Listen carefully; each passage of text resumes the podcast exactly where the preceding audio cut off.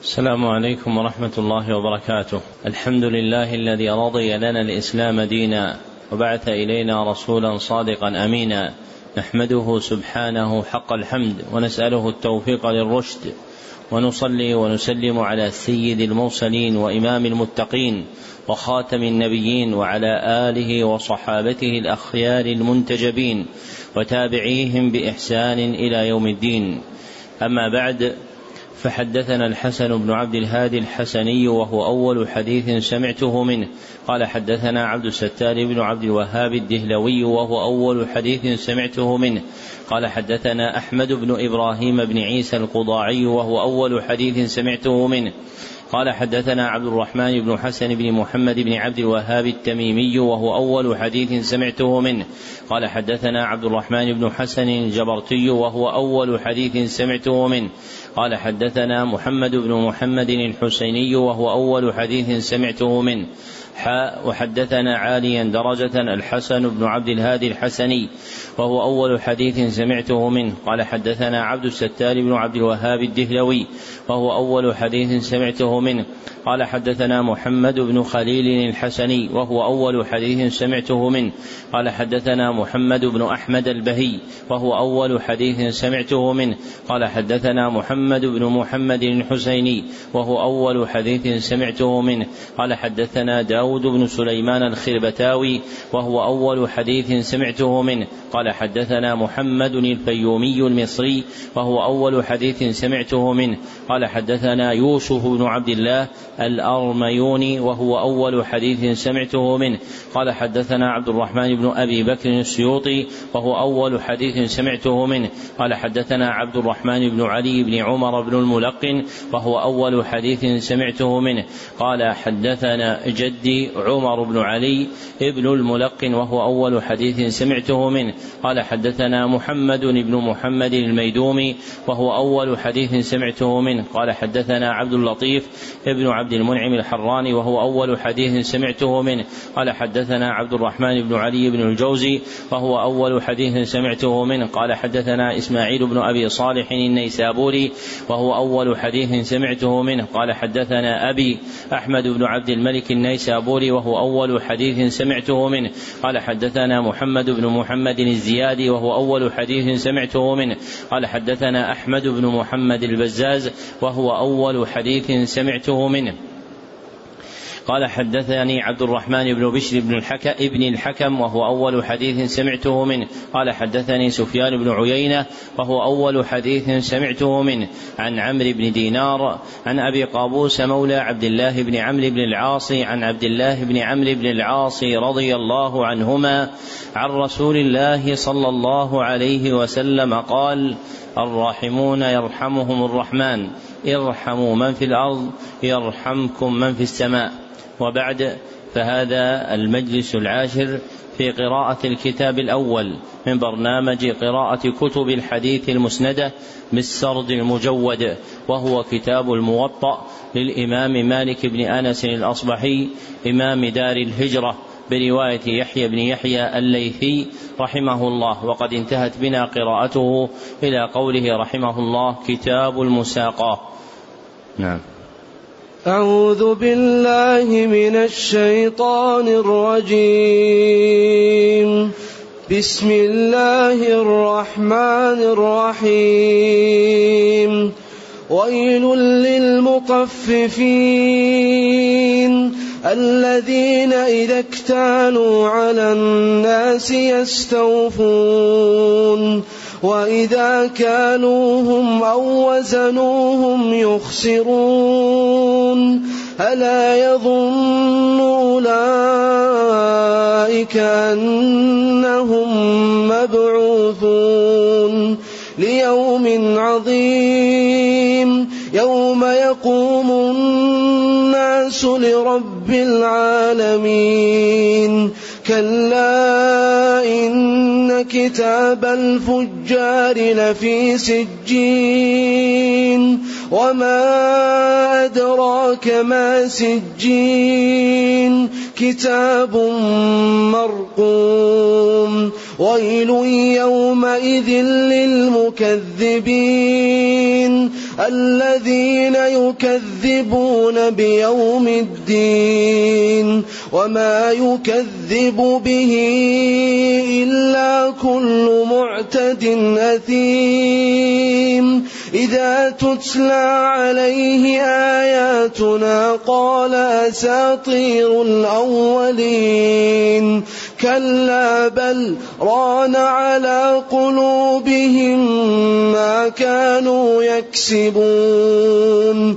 كلا إنهم عن ربهم يومئذ لمحجوبون. ثم إنهم لصال الجحيم. يقال هذا الذي كنتم به تكذبون. كلا إن كتاب الأبرار لفي عليين. وما أدراك ما عليون. كتاب مرقوم يشهده المقربون إن الأبرار لفي نعيم على الأرائك ينظرون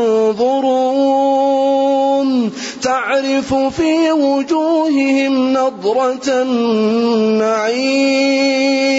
يسقون من رحيق مختوم. ختامه مسك وفي ذلك فليتنافس المتنافسون. ومزاجه من تسنيم. ومزاجه من تسنيم عينا يشرب بها المقربون.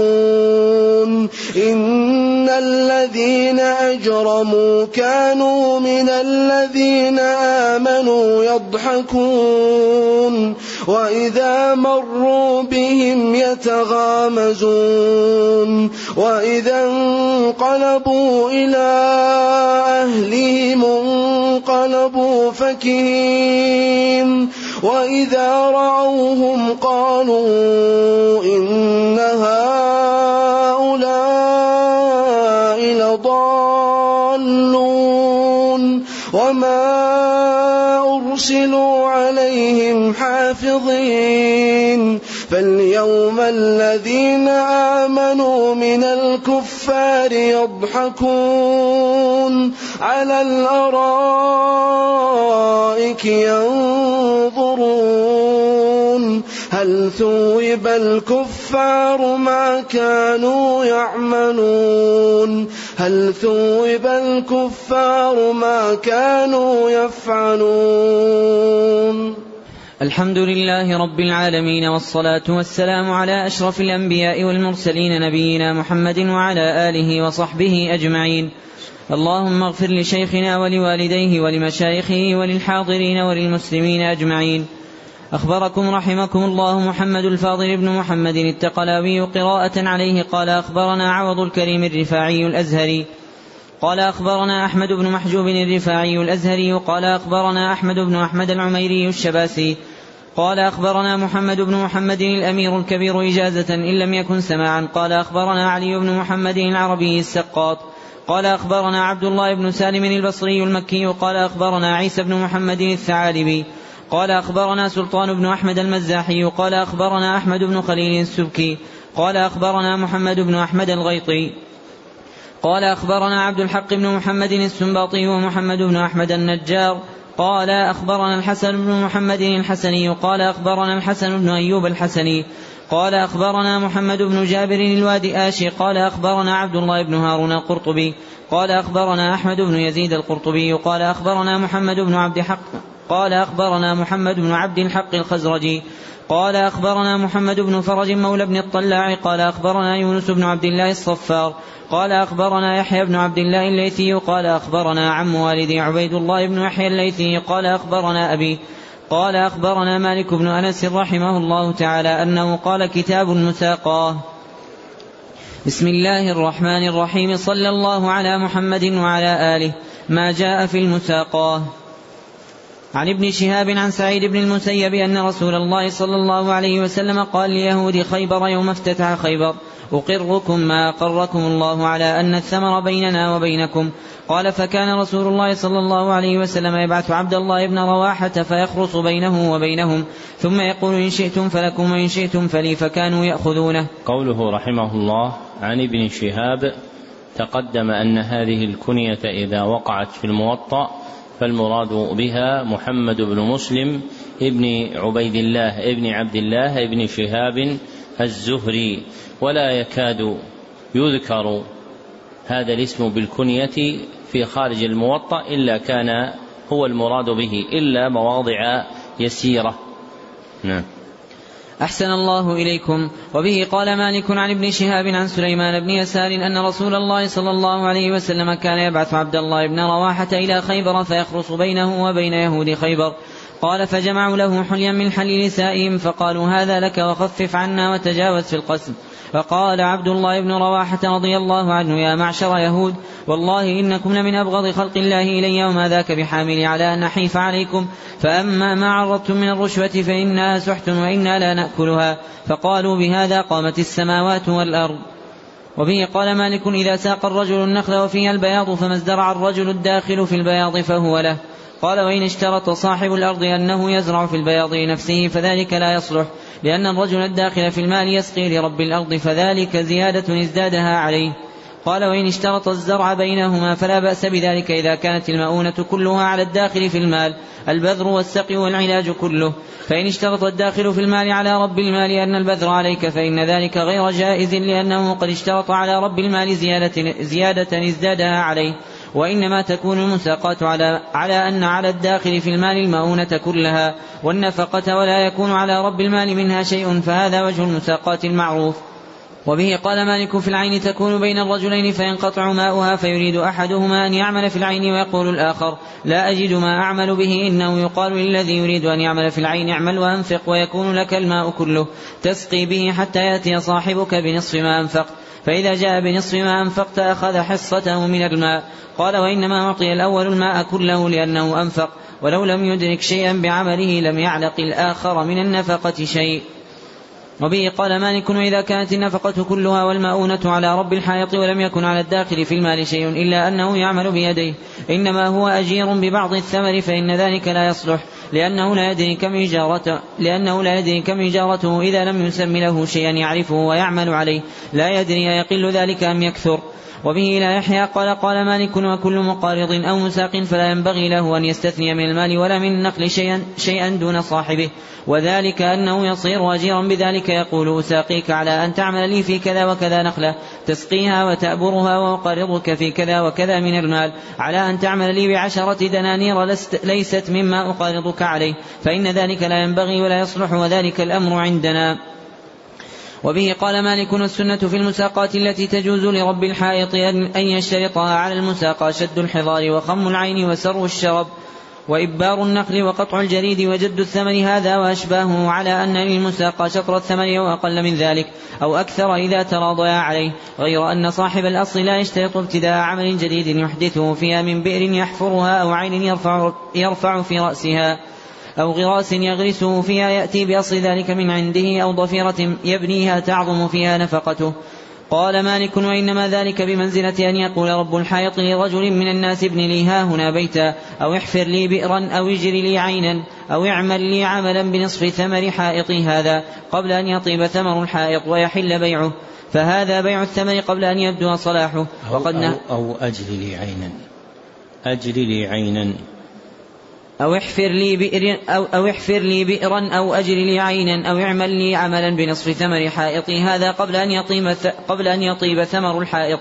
ويحل بيعه فهذا بيع الثمر قبل أن يبدو صلاحه.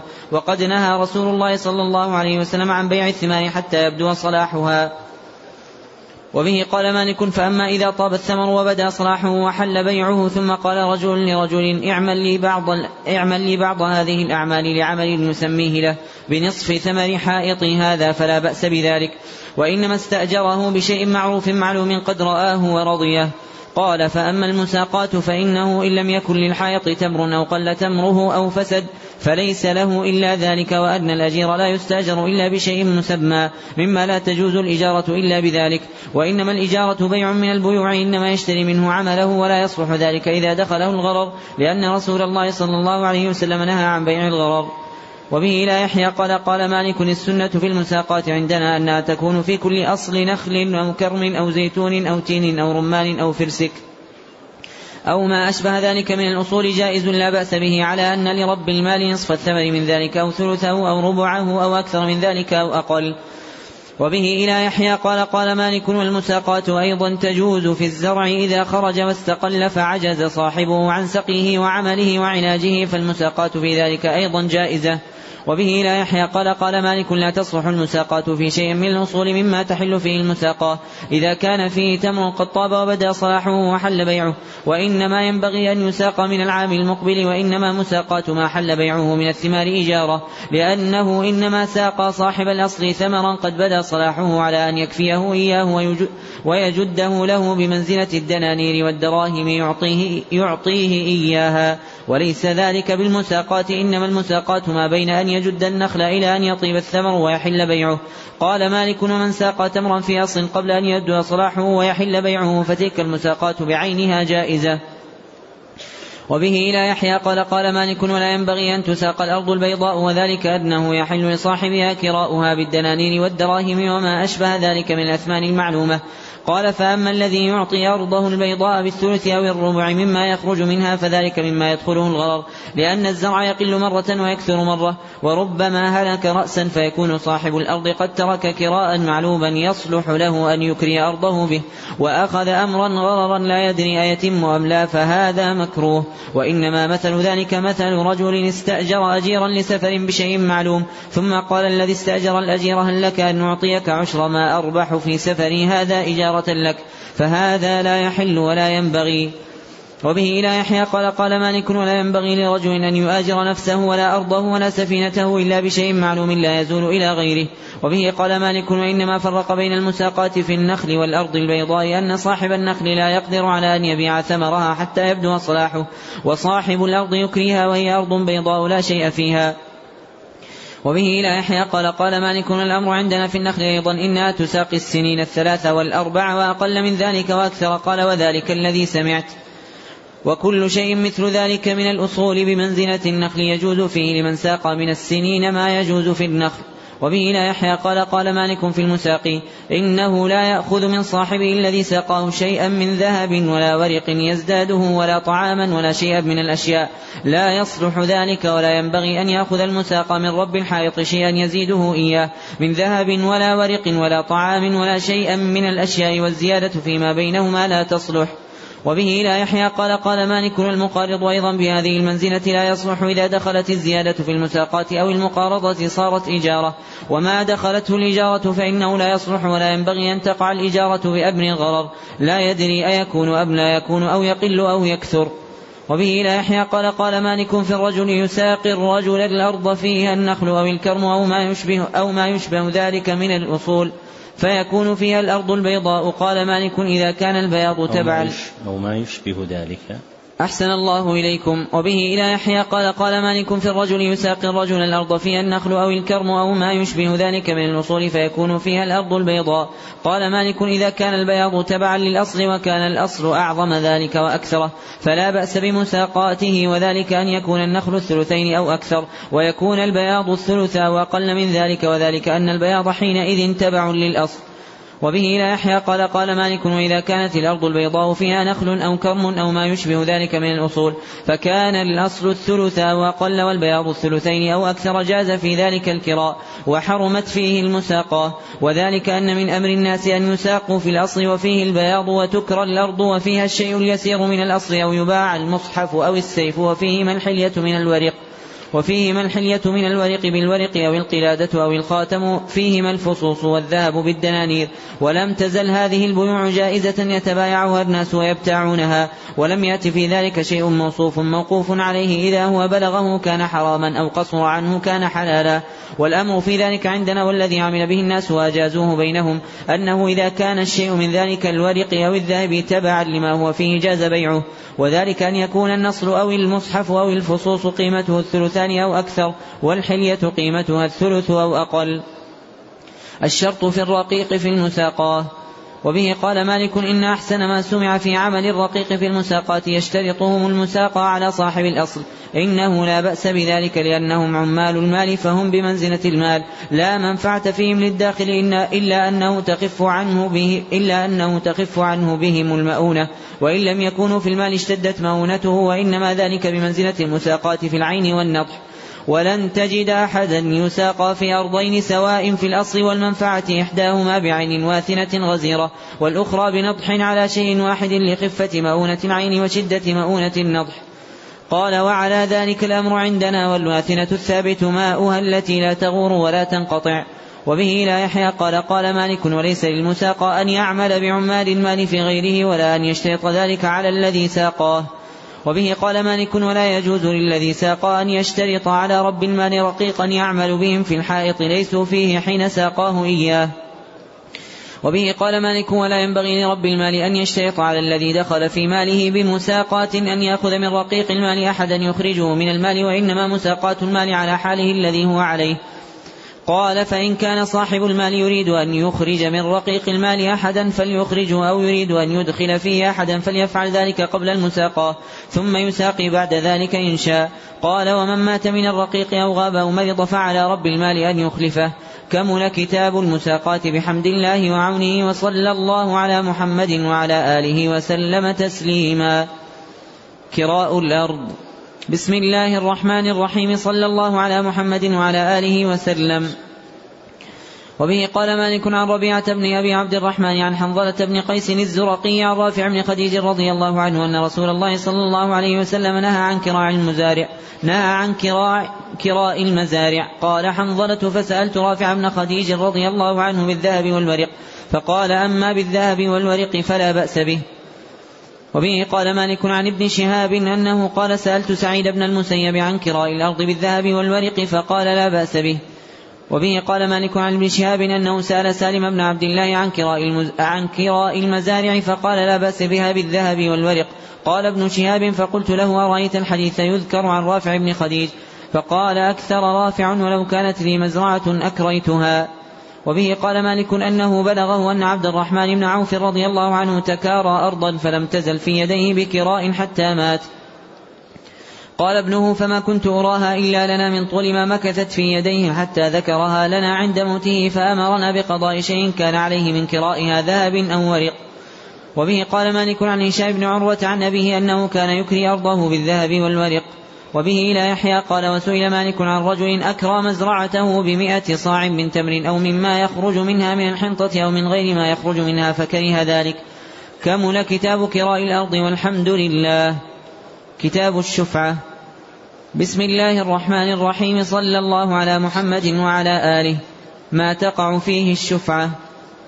وبه قال مالك عن ابن شهاب عن سعيد بن المسيب وعن أبي سلمة بن عبد الرحمن بن عوف أن رسول الله صلى الله عليه وسلم قضى بالشفعة فيما لم يقسم بين الشركاء فإذا وقعت الحدود بينهم فلا شفعة فيه.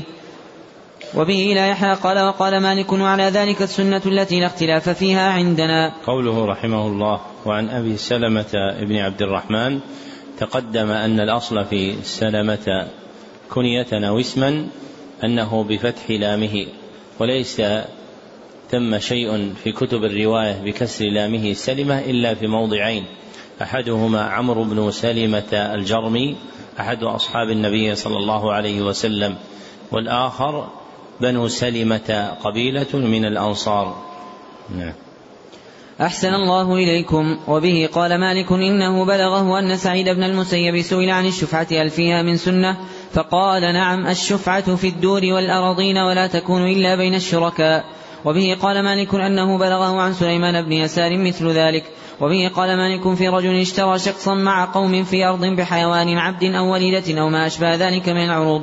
فجاء الشريك يأخذ بشفعته بعد ذلك فوجد العبد أو الوليدة قد هلكا ولا يعلم أحد قدر قيمتهما. فيقول المشتري قيمة العبد أو الوليدة مئة دينار. ويقول صاحب الشفعة بل قيمته بل قيمتهما خمسون دينارا. قال مالك يحلف المشتري أن قيمة ما اشترى به مئة دينار ثم إن شاء أن يأخذ صاحب الشفعة أخذ أو يترك إلا أن يأتي الشفيع ببينة أن قيمة العبد أو الوليدة دون ما قال المشتري. وبه لا يحيى قال قال مالك ومن وهب شقصا في أرض أو دار مشتري أو دار مشتركة فأثابه الموهوب له بها نقدا أو عرضا. فإن الشركاء يأخذونها بالشفعة إن شاءوا. ويدفعون إلى الموهوب ويدفعون إلى الموهوب له قيمة مثوبته دنانير أو دراهم. وبه قال مالك ومن وهب هبة في دار أو أرض مشتركة فلم يثب منها ولم ولم يطلبها فأراد شريكه أن يأخذها بقيمتها فليس ذلك له ما لم يثب فإن أثيب فهو للشفيع بقيمة الثواب. وبه لا يحيى قال وقال مالك في رجل اشترى شخصا في أرض مشتركة بثمن إلى أجل فأراد الشريك أن يأخذها بالشفعة. قال مالك إن كان مليا فله الشفعة بذلك الثمن إلى ذلك الأجل وإن كان مخوفا ألا يؤدي الثمن إلى ذلك الأجل فإذا جاءهم بحميل مليء ثقة. فإذا جاءهم بحميل مليء ثقة مثل الذي اشترى منه الشخص في الأرض المشتركة فذلك له. وبه, وبه لا يحيى قال قال مالك لا تقطع شفعة الغائب غيبته وإن, وإن طالت غيبته وليس لذلك عندنا حد تقطع إليه الشفعة. وبه قال مالك في الرجل يورث الأرض نفرا من ولده ثم يولد لأحد النفر ثم يهلك الأب فيبيع أحد ولد الميت حقه في تلك الأرض. فإن أخ البائع أحق بشفعته من عمومته شركاء أبيه. قال مالك وهذا الأمر عندنا. وبه لا يحيى قال قال مالك الشفعة بين الشركاء على قدر حصصهم يأخذ كل إنسان منهم بقدر نصيبه إن كان قليلا فقليل وإن كان كثيرا فبقدره. وذلك إذا تشاحوا فيها. قال فأما أن يشتري رجل من رجل من شركائه حقه فيقول أحد الشركاء أنا آخذ من الشفعة بقدر حصتي. ويقول المشتري إن شئت أن تأخذ الشفعة كلها أسلمتها إليك وإن شئت أن تدع فدع فإن المشتري إذا خيره في هذا وأسلمه إليه فليس للشفيع إلا أن يأخذ الشفعة كلها أو يسلمها إليه فإن أخذها فهو أحق بها وإلا فلا شيء له. وبه قال مالك في الرجل يشتري الأرض فيعمرها بالأصل يضعه فيها أو البئر, أو البئر يحفرها. ثم يأتي رجل فيدرك فيها حقا فيريد أن يأخذها بالشفعة إنه لا شفعة له فيها إلا أن يعطيه قيمة ما عمر فإن أعطاه قيمة ما عمر كان أحق بشفعته وإلا فلا حق له فيها. وبه قال مالك من باع حصته من أرض أو دار مشتركة فلما علم أن صاحب الشفعة يأخذ بالشفعة استقال المشتري فأقاله قال ليس ذلك له والشفيع أحق بها بالثمن الذي كان باعها به. وبه قال مالك من اشترى شخصا في دار أو أرض وحيوانا وعروضا في صفقة واحدة فطلب الشفيع شفعته في الدار أو الأرض فقال المشتري خذ ما اشتريت جميعا فإني إنما اشتريته جميعا. قال مالك بل يأخذ الشفيع شفعته في الأرض أو الدار بحصتها من ذلك الثمن. يقام كل شيء اشتراه على حدته على الثمن الذي اشتراه به ثم يأخذ الشفيع شفعته بالذي يصيبها من القيمة من رأس الثمن. ولا يأخذ من الحيوان والعروض شيئا إلا أن يشاء ذلك. وبه قال مالك من باع شخصا من أرض مشتركة فسلم بعض من له فيها الشفعة للبائع وأبى بعضهم إلا أن يأخذ بشفعته. إن من أبى أن يسلم يأخذ بالشفعة كلها وليس له أن يأخذ بقدر حقه ويترك ما بقي. وبه قال مالك في نفر شركاء في دار واحدة فباع أحدهم حصته وشركاؤهم غيب وشركاء غيب كلهم إلا رجل فعرض على الحاضر أن يأخذ بالشفعة أو يترك. فقال أنا آخذ بحصتي وأترك حصص شركائي حتى يقدموا. فإن أخذوا فذلك وإن تركوا أخذت جميع الشفعة. قال مالك ليس ذلك له إلا أن يأخذ ذلك كله أو يترك. فإن جاء شركاؤه أخذوا منه أو تركوا إن شاءوا. فإذا عرض هذا عليه فلم يقبله فلا أرى له شفعة. ما لا تقع فيه الشفعة. وبه قال مالك عن محمد بن عمارة عن أبي بكر بن عن أبي بكر بن حزم أن عثمان قال إذا وقعت الحدود في الأرض فلا شفعة فيها ولا شفعة في بئر ولا فحل النخل. قال مالك وعلى هذا الأمر عندنا. قوله رحمه الله عن محمد بن عمارة. تقدم أن الواقع في الموطأ عمارة بضم عينه وليس فيه بكسرها عمارة ولا بفتحها. نعم. أحسن الله إليكم. وبه قال مالك ولا شفعة في طريق صلح القسم فيها أو لم يصلح. وبه قال مالك الأمر عندنا أنه لا شفعة في عرصة دار صلح فيها القسم أو لم يصلح. وبه قال مالك في رجل اشترى شخصا من أرض مشتركة على أنه فيها بالخيار فأراد شركاء الباع أن يأخذوا ما باع شريكهم بالشفعة قبل أن يختار المشتري. إن ذلك لا يكون لهم حتى يأخذ المشتري ويثبت له البيع. فإذا وجب له البيع فلهم الشفعة. وبه قال مالك في الرجل يشتري أرضا فتمكث في يديه حينا ثم يأتي رجل فيدرك فيها حقا بميراث. إن له الشفعة إن ثبت حقه وإن وإنما, غل وإنما أغلت الأرض من غلة فهي للمشتري الأول. إلى يوم, يث إلى يوم يثبت حق الآخر. لأنه قد كان ضمنها لو هلك ما كان فيها من غراس أو ذهب به سيل. قال فإن طال الزمان أو هلك الشهود أو مات البائع أو المشتري أو هما حيان فنسي أصل البيع والاشتراء لطول الزمان. فإن الشفعة تنقطع ويأخذ حقه الذي ثبت له. وإن كان أمره على غير هذا الوجه في حداثة العهد وقربه وأنه يرى وأنه يرى أن البائع غيب الثمن وأخفاه ليقطع بذلك حق صاحب الشفعة. قومت الأرض على قدر ما يرى أنه ثمنها فيصير ثمنها إلى ذلك. ثم ينظر إلى ما زاد في الأرض من بناء أو غراس أو عمارة فيكون على ما يكون عليه من, من ابتاع الأرض بثمن معلوم. ثم بنى فيها وغرس ثم أخذها صاحب الشفعة بعد ذلك. وبه قال مالك الشفعة ثابتة في مال الميت كما هي في مال الحي فإن خشي أهل الميت أن ينكسر مال الميت قسموه ثم باعوه فليس عليهم فيه شفعة. وبه قال مالك ولا شفعة عندنا في عبد ولا وليدة ولا بعير ولا بقرة ولا شاة ولا في شيء من الحيوان ولا في ثوب ولا بئر ولا بئر ليس لها بياض إنما الشفعة فيما ينقسم وتقع فيه الحدود من الأرض. فأما ما لا يصلح فيه القسم فلا شفعة فيه.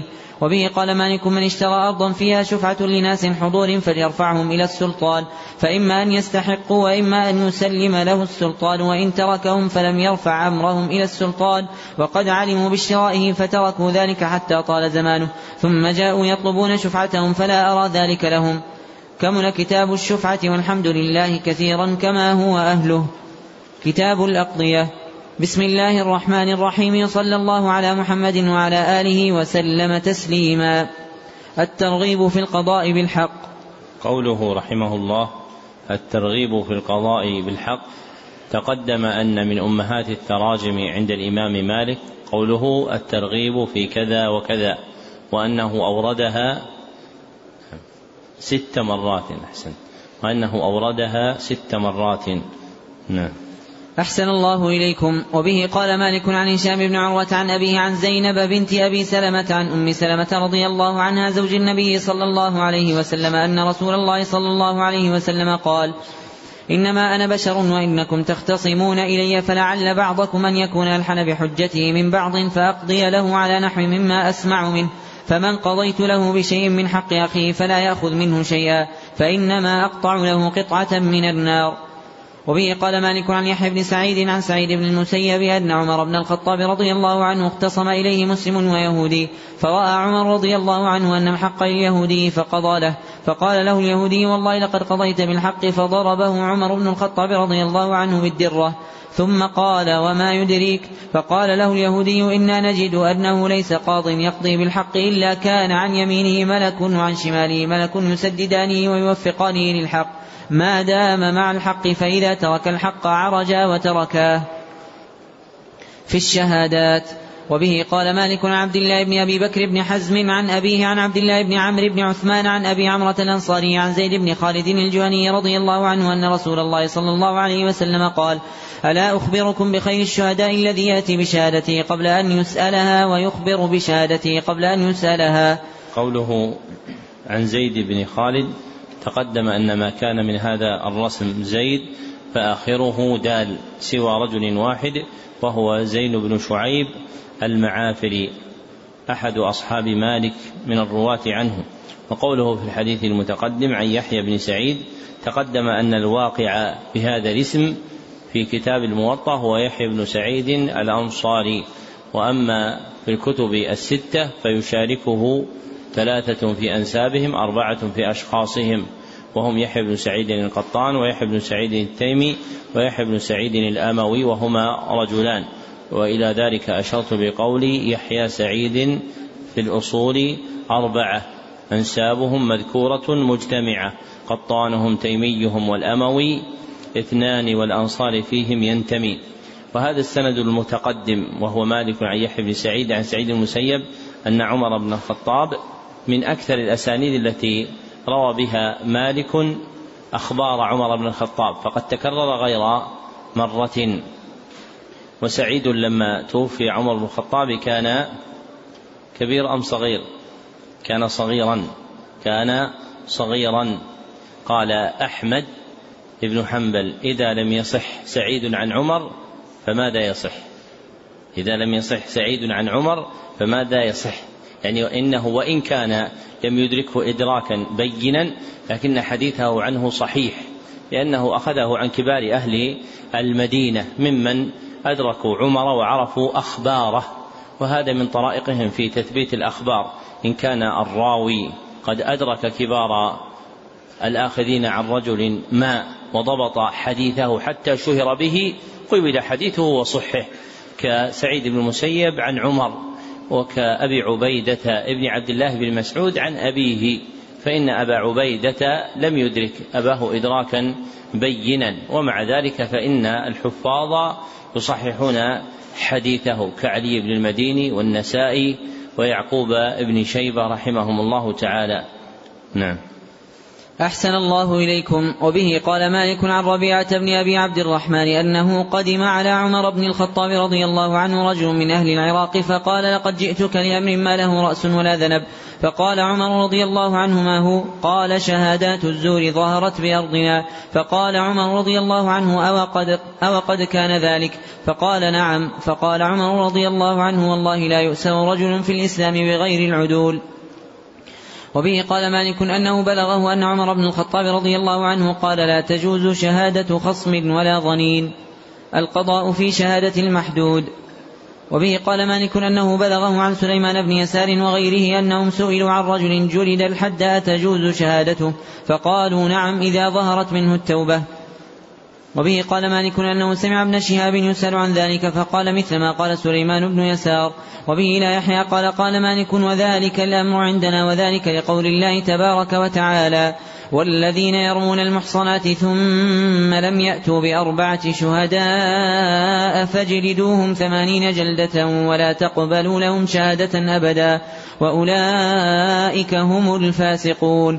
إلا الذين تابوا من بعد ذلك وأصلحوا فإن الله غفور رحيم.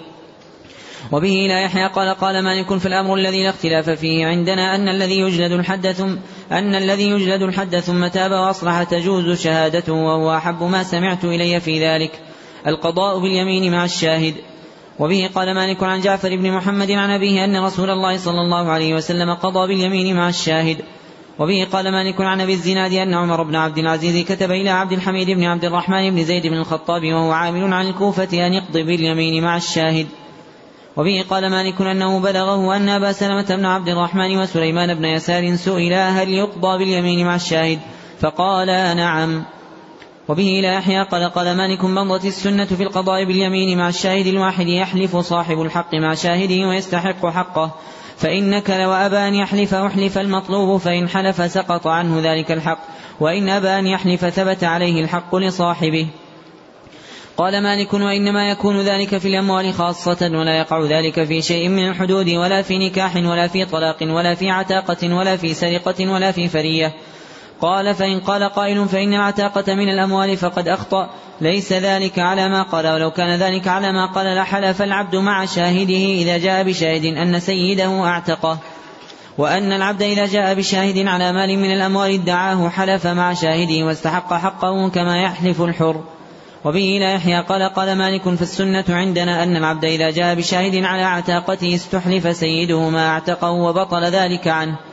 وبه لا يحيى قال قال مالك وكذلك السنة عندنا أيضا في الطلاق. إذا جاءت المرأة بشاهد أن زوجها طلقها أحلف زوجها ما طلقها فإذا حلف لم يقع عليه الطلاق. وبه قال مالك فسنة الطلاق والعتاقة في الشاهد الواحد واحدة وإنما يكون اليمين على زوج المرأة وعلى سيد العبد. وإنما العتاقة حد من الحدود لا تجوز فيها شهادة النساء لأنه إذا عتق العبد ثبتت حرمته ووقعت له الحدود ووقعت عليه. وإن زنى وقد أحصن رجم وإن قتل قتل به ويثبت له الميراث بينه وبين من يوارثه. فإن فإن احتج محتج فقال لو أن رجلا لو أن رجلا أعتق عبده وجاء رجل يطلب سيد العبد بدين له عليه. فشهد له على حقه ذلك رجل وامرأتان فإن ذلك يثبت الحق على سيد العبد حتى ترد حتى ترد به عتاقته.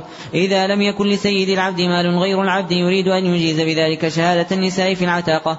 فإن ذلك ليس على ما قال وإنما مثل ذلك الرجل يعتق عبده ثم يأتي طالب الحق على سيده بشاهد واحد فيحلف مع شاهده ثم يستحق حقه ويرد بذلك عتاقة العبد.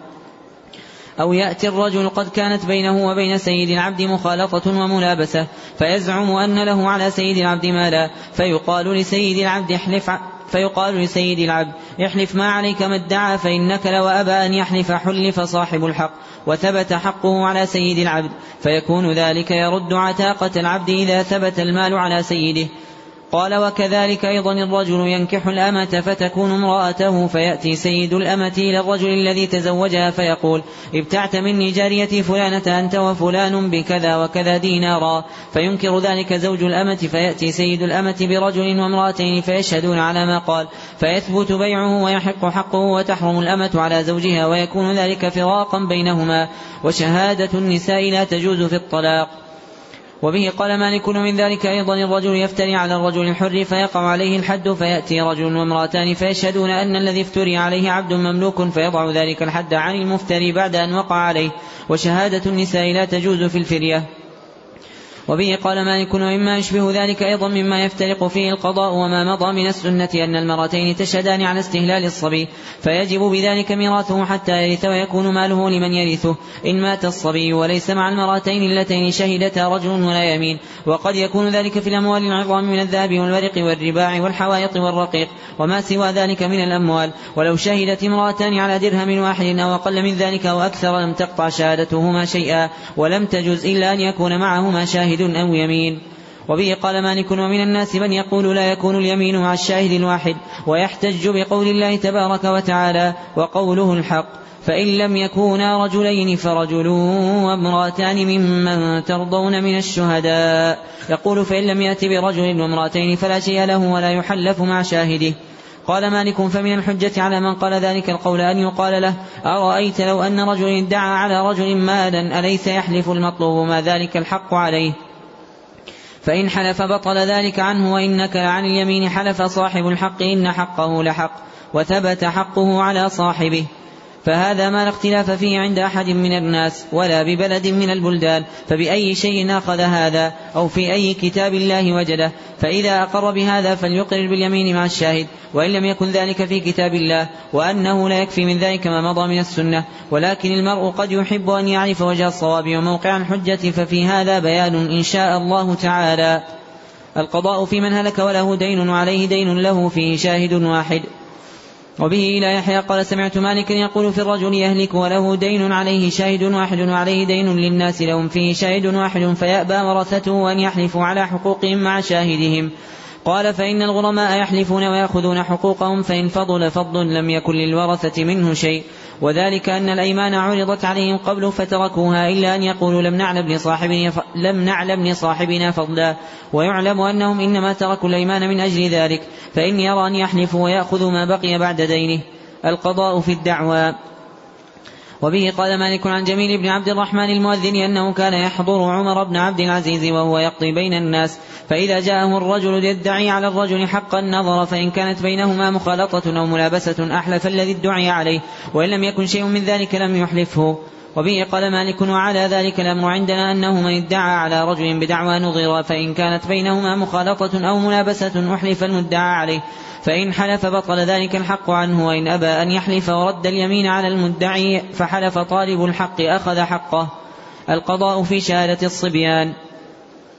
وبه قال مالك عن هشام بن عروة أن عبد الله بن الزبير كان يقضي بشهادة الصبيان فيما بينهم من الجراح. وبه لا يحيى قال وسمعت مالكا يقول الأمر عندنا أن شهادة الصبيان تجوز فيما بينهم من الجراح ولا تجوز على غيرهم وإنما تجوز شهادتهم فيما بينهم من الجراح وحدها. لا تجوز في غير ذلك إذا كان ذلك قبل أن يتفرقوا أو يخب إذا كان ذلك قبل أن يتفرقوا أو يخببوا أو يعلموا فإن افترقوا فلا شهادة لهم إلا أن يكونوا قد أشهد العدول على شهادتهم قبل أن يتفرقوا. ما جاء في الحنث على منبر النبي صلى الله عليه وسلم. وبه قال مالك عن هاشم بن هاشم بن عتبة بن أبي وقاص عن عبد الله بن نسطاس عن جابر بن عبد الله الأنصاري رضي الله عنهما أن رسول الله صلى الله عليه وسلم قال من حلف على منبر آثما تبوأ مقعده من النار. وبه قال مالك عن علاء بن عبد الرحمن عن معبد عن معبد بن كعب السلمي عن معبد بن كعب السلمي عن أخي عبد الله بن كعب بن مالك الأنصاري عن أبي أمامة رضي الله عنه أن رسول الله صلى الله عليه وسلم قال من اقتطع حق امرئ مسلم بيمينه حرم الله عليه الجنة وأوجب له النار. قالوا وإن كان شيئا يسيرا يا رسول الله. قال وإن كان قضيبا من أراك وإن كان قضيبا من أراك وإن كان قضيبا من أراك. قالها ثلاث مرات. قوله عن معبد بن كعب السلمي هو نسبة إلى نعم بني سلمة وليس في الموطأ السلمي بضم السين. نعم. أحسن الله إليكم. جامع ما جاء في اليمين على المنبر. وبه رحمه الله جامع ما جاء في اليمين على المنبر تقدم أن من أمهات التراجم عند الإمام مالك قوله جامع كذا وكذا وأنه أوردها إحدى وأربعين مرة والمراد بها مسائل متفرقة تنتظم تحت هذا الأصل. نعم. أحسن الله إليكم. وبه قال مالك عن داود بن الحصين أنه سمع أبا غطفان بن طريف المري يقول اختصم زيد بن ثابت وابن مطع في دار كانت بينهما إلى مروان بن الحكم وهو أمير على المدينة فقضى مروان على زيد بن ثابت باليمين على المنبر. فقال زيد بن ثابت رضي الله عنه أحلف له مكاني. قال فقال مروان لا والله إلا عند مقاطع الحقوق. قال فجعل زيد بن ثابت يحلف أن حقه لحق ويأبى أن يحلف على المنبر. قال فجعل مروان بن الحكم يعجب من ذلك. وبه لا يحيى قال قال مالك لا أرى أن يحلف أحد على المنبر على أقل من ربع دينار وذلك ثلاثة دراهم. قوله عن داود بن الحصين تقدم أنه لا يأتي إلا مصغرا. بضم الحاء وليس في رواة الكتب الستة والموطأ والمسند حصين إلا أبا حصين وهو أبو حصين عثمان بن عاصم الأسدي الكوفي. وأما بالضاد المعجمة فراو واحد هو حضين ابن المنذر. نعم. أحسن الله إليكم. ما لا يجوز من غلق الرهن؟ قوله رحمه الله ما لا يجوز من غلق الرهن. تقدم أن من أمهات التراجم عند الإمام مالك قوله ما لا يجوز من كذا وكذا وأنه أعادها إبراهيم إحدى عشر مرة. ومن لطائف الضبط ما كتب إلي أحد الإخوة أن الحلال المشروع في الشرع أكثر من الحرام الممنوع وهو قد ترجم بقوله ما يجوز أربع عشرة مرة وبقوله ما لا يجوز إحدى عشرة مرة فالمأذون به أكثر من غير المأذون. نعم. أحسن الله إليكم. وبه قال مالك عن ابن شهاب عن سعيد بن المسيب أن رسول الله صلى الله عليه وسلم قال لا يغلق الرهن. وبه لا يحيى قال قال مالك وتفسير ذلك في وبه قال وبه لا يحيى قال قال مالك وتفسير ذلك فيما نرى والله أعلم أن ينه أن ين أن, ين أن يرهن الرجل الرهن عند الرجل بالشيء وفي الرهن فضل عما رهن به. فيقول الراهن للمرتهن إن جئتك بحقك إلى إلى أجل نسميه له وإلا فالرهن لك بما فيه. قال فهذا لا يصلح ولا يحل وهذا الذي نهي عنه وإن جاء صاحبه بالذي رهن به بعد الأجل فهو له وأرى هذا الشرط منفسخا. القضاء في رهن الثمر والحيوان. وبه إلى يحيى قال سمعت مالكا يقول في من رهن حائطا له إلى أجل مسمى فيكون ثمر ذلك الحائط قبل ذلك الأجل. إن الثمر ليس برهن مع الأصل إلا أن يكون اشترط ذلك المرتهن في رهنه وإن الرجل إذا ارتهن جارية وهي حامل أو حملت بعد ارتهانه إياها إن ولدها معها. قال وفرق بين الثمر وبين ولد الجارية أن رسول الله صلى الله عليه وسلم قال من باع نخلا قد أبرت فثمرها للبائع إلا أن يشترط المبتاع. وبه قال مالك الأمر الذي لا اختلاف فيه عندنا أن من باع وليدة أو شيئا من الحيوان وفي بطنها جنين أن ذلك الجنين للمشتري. اشترطه المشتري أو لم يشترطه فليست النخل مثل الحيوان وليس الثمر مثل الجنين في بطن أمه. وبه لا يحيى قال قال مالك ومما يبين ذلك أيضا أن من أمر الناس أن أن يرهن الرجل ثمر النخل ولا يرهن ولا يرهن النخل. وليس يرهن أحد من الناس جنينا في بطن أمه من الرقيق ولا من الدواب. القضاء في الرهن من الحيوان. وبه لا يحيى قال سمعت مالكا يقول الأمر الذي لا اختلاف فيه عندنا في الرهن أنه ما كان من أمر يعرف هلاكه من أرض أو دار أو حيوان فهلك في يد المرتهن وعلم هلاكه فهو من الراهن. وإن ذلك لا ينقص من حق المرتهن شيئا وما كان من رهن يهلك في يد المرتهن.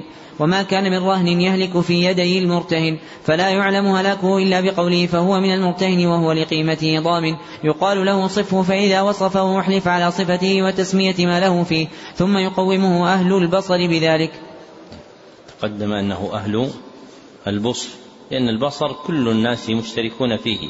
وإنما الذي يحصل به التمييز البصر يعني المعرفة والعلم. أحسن الله إليكم. ثم يقومه أهل البصر بذلك فإن كان فيه فضل عما سمى فيه المرتهن أخذه الراهن وإن كان أقل مما سمى أحلف الراهن على ما سمى المرتهن وبطل عنه الفضل الذي سمى المرتهن فوق قيمة الرهن. وإن أبى الراهن أن يحلف أعطي المرتهن ما فضل بعد قيمة الرهن فإن قال المرتهن لا علم لي بقيمة الرهن حلف الراهن على صفة الرهن وكان ذلك له إذا جاء بالأمر الذي لا يستنكر. وبه لا يحيى قال قال مالك وذلك إذا قبض المرتهن الرهن ولم يضعه على يدي غيره. القضاء في الرهن يكون بين الرجلين. فيه جهة مسؤولة عن هذا. اذهب بها إليه. نعم. القضاء في الرهن يكون بين الرجلين. وبه إلى يحيى قال سمعت مالكا يقول في الرجلين يكون لهما رهن بينهما فيقوم أحدهما يبيع رهنه وقد كان الآخر أنظره بحقه سنة. قال إن كان يقدر على أن يقسم الرهن ولا ينقص حق ولا ينقص حق الذي أنظر بحقه. بيع له نصف الرهن الذي كان بينهما. فأوفي حقه وإن خيف أن ينقص حقه بيع الرهن كله. فأعطي الذي قام ببيع رهنه حقه من ذلك. فإن طابت نفس الذي أنظره بحقه أن يدفع نصف الثمن إلى الراهن فإلا وإلا حلف المرتهن أنه ما أنظره إلا ليوقف لي إلا ليوقف لي رهني على هيئته ثم أعطي حقه. وبه لا يحيى قال وسمعت مالكا يقول في العبد يرهنه سيده وللعبد مال. إن مال العبد ليس برهن إلا أن يشترطه المرتهن. القضاء في جامع الرهون. وبه لا يحيى قال سمعت مالكا يقول في من ارتهن متاعا فيهلك, فيهلك المتاع عند المرتهن. وأقر الذي عليه الحق بتسمية الحق واجتمع على التسمية وتداعيا في الرهن. فقال الراهن قيمته عشرون دينارا وقال المرتهن قيمته عشرة دنانير والحق الذي فيه للرجل عشرون دينارا. قال مالك يقال للذي بيده الرهن صفه فإذا وصفه أحلف عليه. ثم أقام تلك الصفة أهل المعرفة بها فإن كانت القيمة أكثر مما رهن به قيل للمرتهن اردد إلى الراهن بقية حقه. وإن كانت القيمة أقل مما رهن به أخذ المرتهن بقية حقه من الراهن. وإن كانت القيمة بقدر حقه فالرهن بما فيه. وبه لا يحيى قال وسمعت مالكا يقول الأمر عندنا في الرجلين يختلفان في الرهن يرهنه أحدهما صاحبه فيقول الراهن أرهنتكه بعشرة دنانير ويقول المرتهن ارتهنته, ارتهنته منك بعشرين دينارا. والرهن ظاهر بيد المرتهن. قال يحلف المرتهن حتى يحيط بقيمة الرهن فإن كان ذلك لا زيادة فيه ولا نقصان عما حلف أن له فيه أخذ المرتهن بحقه. وكان أولى بالتبدية باليمين قبضه الرهن وحيازته إياه إلا أن يشاء رب الرهن أن يعطيه حقه الذي حلف عليه ويأخذ رهنه. قال وإن كان الرهن أقل من العشرين التي سمى أحلف المرتهن على العشرين التي سمى ثم يقال للراهن إما أن تعطيه الذي حلف عليه وتأخذ رهنك وإما أن تحلف على الذي قلت أنك راهنته به ويبطل عنك ما زاد المرتهن على قيمة الرهن فإن حلف الراهن بطل عنه ذلك وإن لم يحلف لزمه غرم ما حلف عليه المرتهن. وبه لا يحيى قال وقال مالك فإن هلك الرهن وتناكر, وتناكر الحق فقال الذي له الحق كانت لي فيه عشرون دينارا. وقال الذي عليه الحق لم يكن لك فيه إلا عشرة دنانير. وقال الذي له الحق قيمة رهن عشرة دنانير. وقال الذي عليه الحق قيمته عشرون دينارا. قيل للذي له الحق صف وقيل للذي له الحق صفه فإذا وصفه احلف على صفته. ثم أقام تلك الصفة أهل المعرفة بها فإن كانت قيمة الرهن أكثر مما ادعى فيه المرتهن أحلف على ما ادعى ثم يعطى الراهن ما فضل من قيمة الرهن وإن كانت قيمته أقل مما يدعي فيه المرتهن أحلف على الذي زعم أنه له فيه. ثم قاصوه بما بلغ الرهن ثم أحلف الذي عليه الحق على الفضل الذي بقي للمدعي عليه. بعد مبلغ ثمن الرهن وذلك أن الذي بيده الرهن صار مدعيا على الراهن فإن حلف بطل عنه بقية ما حلف عليه المرتهن. مما ادعى فوق قيمة الرهن وإن نكل لزمه ما بقي من حق المرتهن بعد قيمة الرهن. القضاء في كراء الدابة والتعدي بها والتعدي بها. وبه إلى يحيى قال سمعت مالكا يقول الأمر عندنا في الرجل يستكري الدابة إلى المكان المسمى ثم يتعدى ذلك ويتقدم. قال فإن رب الدابة مخير فإن أحب أن يأخذ كراء دابته إلى المكان الذي تعدى بها إليه. أعطي ذلك ويقبض دابته وله, وله الكراء الأول. وإن أحب رب الدابة فله قيمة دابته من المكان الذي تعدى منه المستكري وله الكراء الأول. إن استكرى الدابة البدأة وإن كان استكراها ذاهبا وراجعا. ثم تعدى حين بلغ البلد الذي استكرى إليه فإنما لرب الدابة نصف الكراء الأول. وذلك أن الكراء نصفه في البداءة ونصفه في الرجعة. فتعدى المتعدي بالدابة ولم يجب عليه إلا نصف الكراء. ولو أن الدابة هلكت حين بلغ حين بلغ بها البلد الذي استكرى إليه لم يكن على المستكري ضمان. ولم يكن للمكري إلا نصف الكراء. قال وعلى ذلك أمر أهل التعدي والخلاف لما أخذوا الدابة عليه. قال وكذلك أيضا من أخذ مالا قراضا من صاحبه فقال له رب المال لا تشتري به حيوانا ولا سلعا كذا وكذا لسلع يسميها وينهاه عنها ويكره أن يضع ماله فيها. فيشتري الذي أخذ المال الذي نهي عنه يريد بذلك أن يضمن المال ويذهب بربح صاحبه. فإذا صنع ذلك فرب المال بالخيار. إن أحب أن يدخل معه في السلعة على ما شرط بينهما من الربح فعل. وإن أحب فله رأس ماله ضامن على الذي أخذ المال وتعدى. قال وكذلك أيضا الرجل يبضع معه الرجل بالبضاعة فيأمره صاحب المال أن يشتري له سلعة باسمها فيخالف فيشتري ببضاعته غير ما أمره به.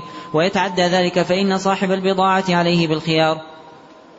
إن أحب أن يأخذ ما اشترى بماله أخذه وإن أحب أن يكون المبضع معه ضامنا لرأس ماله فذلك له. القضاء في المستكرهة من النساء. وبه قال مالك عن ابن شهاب أن عبد الملك بن مروان أن, أن عبد الملك بن مر أن عبد الملك بن مروان قضى في امرأة أصيبت مستكرهة بصداقها على من فعل ذلك بها. وبه لا يحيى قال وسمعت مالكا يقول الأمر عندنا في الرجل يغتصب المرأة بكرا كانت أو ثيبا أنها إن كانت حرة فعليه صداق مثلها وإن كانت أمة فعليه ما نقص من ثمنها والعقوبة في ذلك على المغتصب ولا عقوبة على المغتصبة في ذلك كله وإن كان المغتصب عبدا فذلك على سيده إلا أن يشاء أن يسلمه. القضاء في استهلاك الحيوان والطعام. وبه إلى يحيى قال سمعت مالكا يقول الأمر عندنا في من استهلك شيئا من الحيوان بغير إذن صاحبه أن عليه قيمته يوم استهلكه ليس عليه أن يؤخذ بمثله من الحيوان. ولا يكون له أن يعطي صاحبه فيما استهلك شيئا من الحيوان ولكن عليه قيمته يوم استهلكه. القيمة أعدل ذلك فيما بينهما في الحيوان والعروض. وبه لا يحيى قال وسمعت مالكا يقول في من وبه لا يحيى قال وسمعت مالكا يقول من استهلك شيئا من استهلك شيئا من الطعام بغير إذن صاحبه فإنما يرد إلى صاحبه مثل طعامه بمكيلته من صفته بمكيلته من صفته وإنما الطعام بمنزلة الذهب والفضة إنما يرد من الذهب الذهب ومن الفضة الفضة وليس الحيوان بمنزلة الذهب في ذلك فرق بين ذلك السنة والعمل المعمول به. وبه لا يحيى قال وسمعت مالكا يقول إذا استودع الرجل مالا فابتاع به لنفسه وربح فيه فإن ذلك الربح له لأنه ضامن للمال حتى يؤديه إلى صاحبه. القضاء في من ارتد عن, عن الإسلام. وبه قال مالك عن زيد بن أسلم أن رسول الله صلى الله عليه وسلم قال من غير دينه فاضربوا عنقه.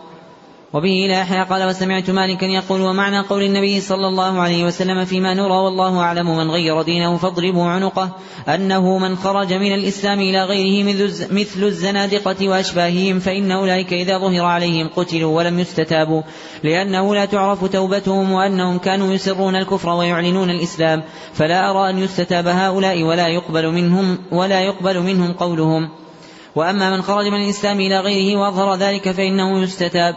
فإن تاب وإلا قتل وذلك لو أن قوما كانوا على ذلك رأيت أن يدعوا إلى الإسلام ويستتابوا فإن تابوا قبل ذلك منهم وإن لم يتوبوا قتلوا ولم يعني بذلك فيما نرى والله أعلم من يخرج من اليهودية إلى النصرانية ولا من النصرانية إلى اليهودية ولا من يغير دينه من أهل الأديان كلها إلى الإسلام فمن خرج من الإسلام إلى غيره وأظهر ذلك فذلك الذي عني به والله أعلم وبه قال مالك عن عبد الرحمن بن محمد بن عبد الله بن عبد القاري عن أبيه أنه قال قدم على عمر بن الخطاب رضي الله عنه رجل من قبل أبي موسى الأشعري رضي الله عنه فسأله عن الناس فأخبره ثم قال له عمر رضي الله عنه هل كان فيكم من مغربة خبر؟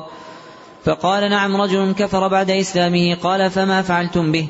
قال قربناه فضربنا عنقه. فقال عمر رضي الله عنه أفلا حبستموه ثلاثا وأطعمتموه كل يوم رغيفا واستتبتموه لعله يتوب ويراجع أمر الله. ثم قال عمر رضي الله عنه اللهم إني لم أحضر ولم آمر ولم أرض إذ بلغني.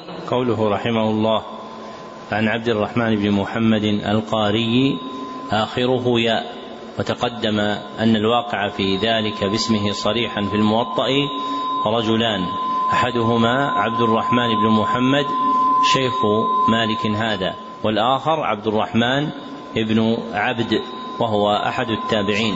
وأما الذي آخره القارئ فهو رجل واحد وهو أبو جعفر القارئ المدني أحد القراء العشرة واسمه يزيد بن القعقاع. نعم. أحسن الله إليكم. القضاء في من وجد مع امرأته رجلا.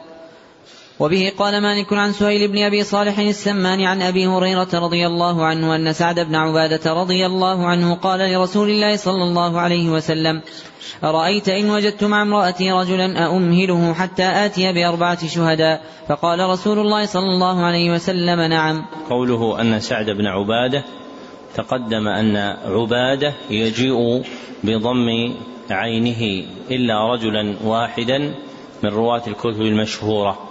فجاء بفتح عينه وهو ها يا أخي إيش؟ لا ها, ها جميل. إلا محمد بن عبادة الواسطي من شيوخ البخاري. نعم. أحسن الله إليكم. وبه قال مالك عن يحيى بن سعيد عن سعيد بن المسيب أن رجلا من أهل الشأم وجد مع امرأته رجلا فقتله أو قتلها فأشكل على معاوية بن أبي سفيان رضي الله عنه القضاء فيه فكتب إلى أبي موسى الأشعري رضي الله عنه يسأل له علي بن أبي طالب رضي الله عنه عن ذلك.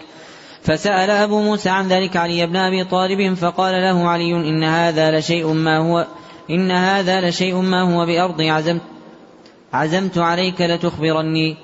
فقال أبو موسى رضي الله عنه كتب إلي معاوية بن أبي سفيان رضي الله عنه أسألك عن ذلك. فقال علي رضي الله عنه أنا أبو حسن إن لم يأت بأربعة شهداء فليعط برمته. القضاء في المنبوذ. وبه قال مالك عن ابن شهاب عن سنين أبي جميلة رجل من بني سليم أنه وجد منبوذا في زمن عمر بن الخطاب رضي الله عنه قال فجئت إلى عمر بن الخطاب رضي الله عنه. فقال ما حملك على أخذ هذه النسمة؟ فقال وجدتها ضائعة فأخذتها. فقال له عرفه يا أمير المؤمنين إنه رجل صالح. فقال عمر كذلك.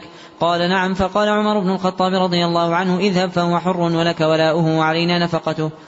وبه إلى يحيى. قال وسمعت مالكا يقول الأمر عندنا في المنبوذ أنه حر وأن ولاءه للمسلمين هم يرثونه ويعقلون عنه. قوله رحمه الله القضاء في المنبوذ يعني في اللقيط.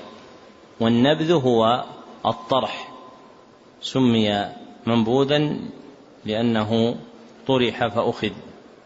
نعم. أحسن الله إليكم. القضاء بإلحاق الولد بأبيه. وبه قال مالك عن ابن شهاب عن عروة بن الزبير عن عائشة رضي الله عنها زوج النبي صلى الله عليه وسلم أنها قالت كان عتبة بن أبي وقاص عهد إلى أخيه سعد بن أبي وقاص أن ابن وليدة أن ابن وليدة زمع أن ابن وليدة زمعة مني فاقبضه إليك.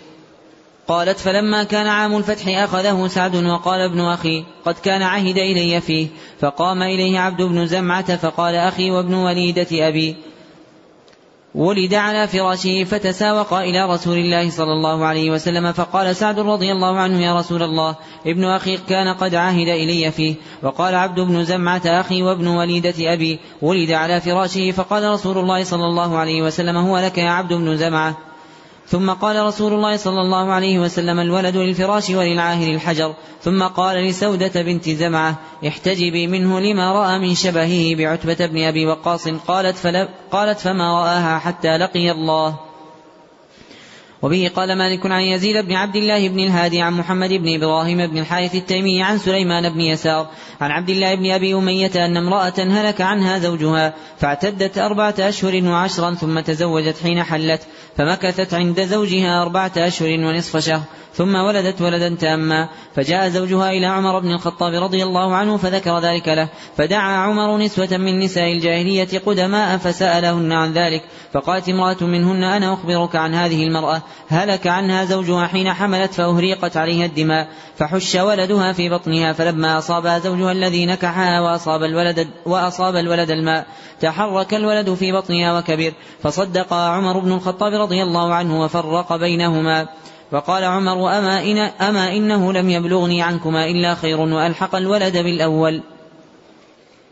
وبه قال مالك عن يحيى بن سعيد عن سليمان بن يسار أن عمر بن الخطاب رضي الله عنه كان يريط أولاد الجاهلية بمن ادعاهم في الإسلام.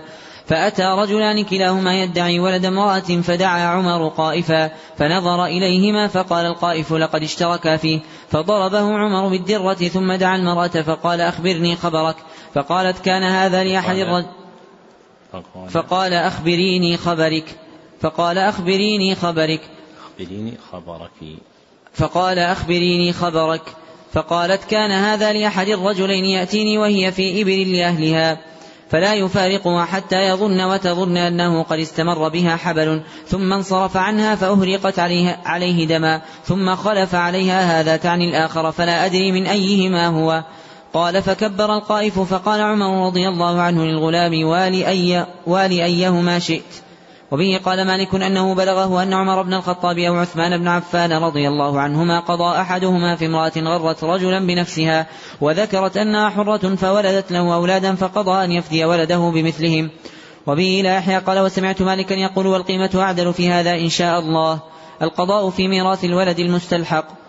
وبه إلى أحياء قال سمعت مالكا يقول الأمر المجتمع عليه عندنا في الرجل يهلك وله بنون فيقول أحدهم قد أقر بأن فلانا ابنه أن ذلك النسب لا يثبت بشهادة إنسان واحد ولا يجوز إقرار الذي أقر إلا على نفسه في حصته من مال أبيه يعطى الذي شهد له قدر ما يصيبه من المال الذي بيده وبه قال مالك وتفسير ذلك أن يهلك الرجل ويترك ابنين, ويترك ابنين له ويترك ستمائة دينار فيأخذ كل واحد منهما ثلاثمائة دينار ثم يشهد أحدهما بأن أباه الهالك أقر, ابن أقر أن فلانا ابنه فيكون على الذي شهد للذي استلحق مائة دينار وذلك نصف ميراث المستلحق لو لحق ولو أقر له الآخر أخذ المئة الأخرى فاستكمل حقه وثبت نسبه. وهو أيضا بمنزلة المرأة تقر بالدين على أبيها أو على زوجها وينكر, وينكر ذلك الورثة فعليها أن تدفع إلى الذي أقرت له بالدين قدر الذي يصيبها من ذلك الدين لو ثبت على الذي على الورثة كلهم إن كانت امرأة ورثت الثمن دفعت إلى الغريم ثمن دينه وإن كانت ابنة ورثت النصف دفعت إلى الغريم نصف دينه على حساب هذا يدفع إليه من أقر له من النساء. وبه قال مالك فإن شهد رجل على مثل ما شهدت به المرأة أن لفلان على أبيه دينا أحلف صاحب الدين مع شهادة شاهده وأعطي الغريم حقه كله. وليس هذا بمنزلة المرأة لأن الرجل تجوز شهادته ويكون على صاحب الدين مع شهادة شاهده أن يحلف ويأخذ حقه كله. فإن لم يحلف أخذ من ميراث الذي أقر له قدر ما يصيبه من ذلك الدين لأنه أقر بحقه وأنكر الورثة وجاز عليه إقراره. القضاء في أمهات الأولاد. وبه قال مالك عن ابن شهاب عن سالم بن عبد الله عن أبيه أن عمر بن الخطاب رضي الله عنه قال ما بال رجال يطؤون ولائدهم ثم يعزلونهن؟ لا تأتيني وليدة يعترف سيدها أن قد ألم بها إلا ألحقت, إلا ألحقت بها ولدها فاعزلوا بعد ذلك أو اتركوا. وبه قال مالك عن نافع عن صفية بنت أبي عبيد أنها أخبرته أن عمر بن الخطاب رضي الله عنه قال ما بال رجال يطؤون ولائدهم ثم يدعو ما ما بال رجال يطؤون ولائدهم ثم يدعوهن يخرجن لا تأتيني وليدة يعترف سيدها يعترف سيدها أن قد ألم بها إلا ألحقت به ولدها فأرسلوهن بعد أو أمسكوهن. وبه إلى يحيى قال وسمعت مالكا يقول الأمر عندنا في أم الولد إذا جنت جناية ضمن سيدها ما بينها وبين قيمتها وليس عليه أن يحمل من جنايتها أكثر من قيمتها. القضاء في عمارة الموات.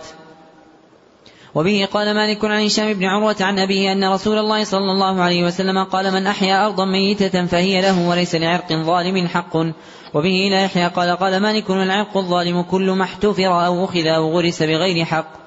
وبه قال مالك عن ابن شهاب عن سالم بن عبد الله عن أبيه أن عمر بن الخطاب رضي الله عنه قال من أحيا أرضا ميتة فهي له وبه لا يحيى قال قال مالك وعلى ذلك الأمر عندنا القضاء في المياه وبه قال مالك عن عبد الله بن أبي بكر بن محمد بن عمرو بن حزم أنه بلغه أن رسول الله صلى الله عليه وسلم قال في سيل مهزور ومذينيب يمسك حتى الكعبين ثم يرسل الأعلى على الأسفل وبه قال مالك عن أبي الزناد عن الأعرج عن أبي هريرة رضي الله عنه أن رسول الله صلى الله عليه وسلم قال لا يمنع فضل الماء ليمنع به الكلاء. قوله عن الأعرج ما قاعدته؟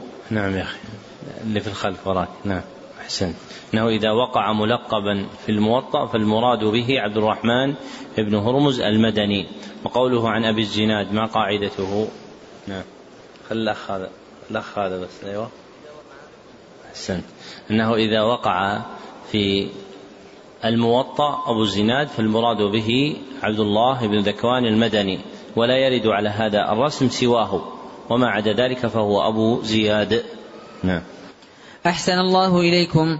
وبه قال مالك عن أبي الرجال محمد بن عبد الرحمن عن أمه عمرة بنت عبد الرحمن أنها أخبرته أن رسول الله صلى الله عليه وسلم قال لا يمنع نقع بئر القضاء في المرفق. قوله القضاء في المرفق بكسر الميم وفتح الفاء. وفيه لغة أخرى وهي فتح الميم وكسر الفاء والمراد بها المنفعة. فالمرفق والمرفق ما يرتفق به أي ما تحصل به المنفعة. نعم. أحسن الله إليكم. وبه قال مالك عن عمرو بن يحيى المازني عن أبيه أن رسول الله صلى الله عليه وسلم قال لا ضرر ولا ضرار. وبه قال مالك عن ابن شهاب عن الأعرج عن أبي هريرة رضي الله عنه أن رسول الله صلى الله عليه وسلم قال لا يمنع أحدكم جاره خشبة يغرزها في جداره.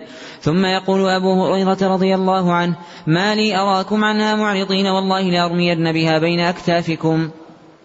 وبه قال مالك عن عمرو بن يحيى المازني عن أبيه أن الضحاك بن خليفة ساق خليجا له من العريض فأراد أن يمر به في أرض محمد بن مسلمة فأبى محمد.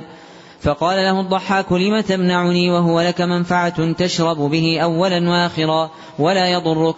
فأبى محمد فكلم فيه الضحاك عمر بن الخطاب رضي الله عنه فدعا عمر بن الخطاب رضي الله عنه محمد بن مسلمة فأمره أن يخلي سبيله فقال محمد لا فقال عمر رضي الله عنه لم تمنع أخاك ما ينفعه وهو لك نافع تسقي به أولا وآخرا وهو لا يضرك؟ قال محمد لا فقال عمر رضي الله عنه والله لا والله لا يمرن به على بطنه فأمره عمر أن يمر به ففعل الضحاك.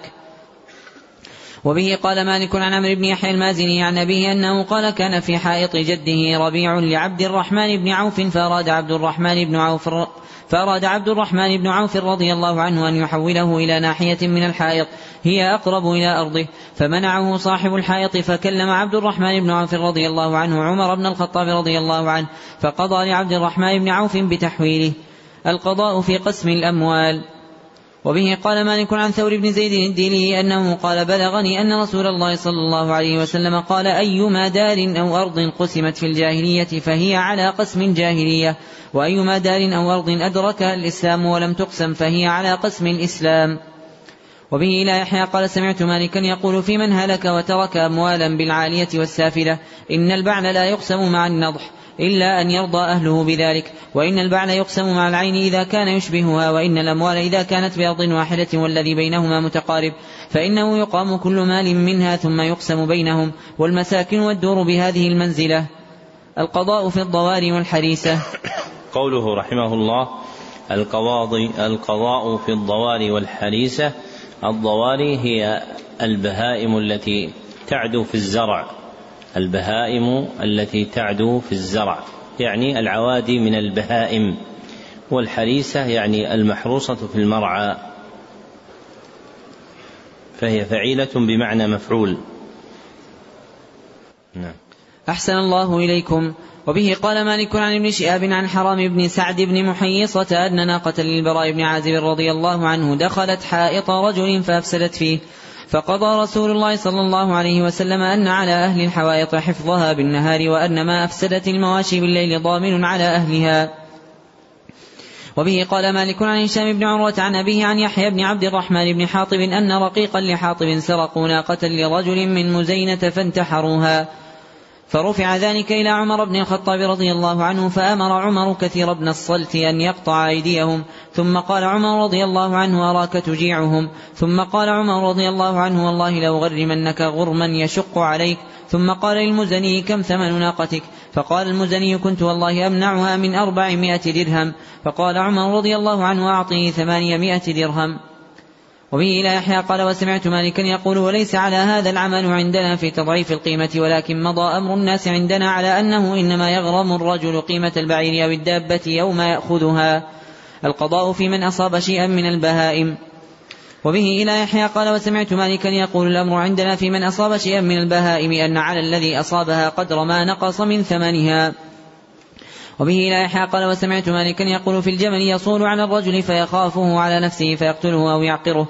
فإنه إن كانت له بينة على أنه أراده أو صال عليه فلا غرم عليه. وإن لم تقم له بينة إلا مقالته فهو ضامن للجمل.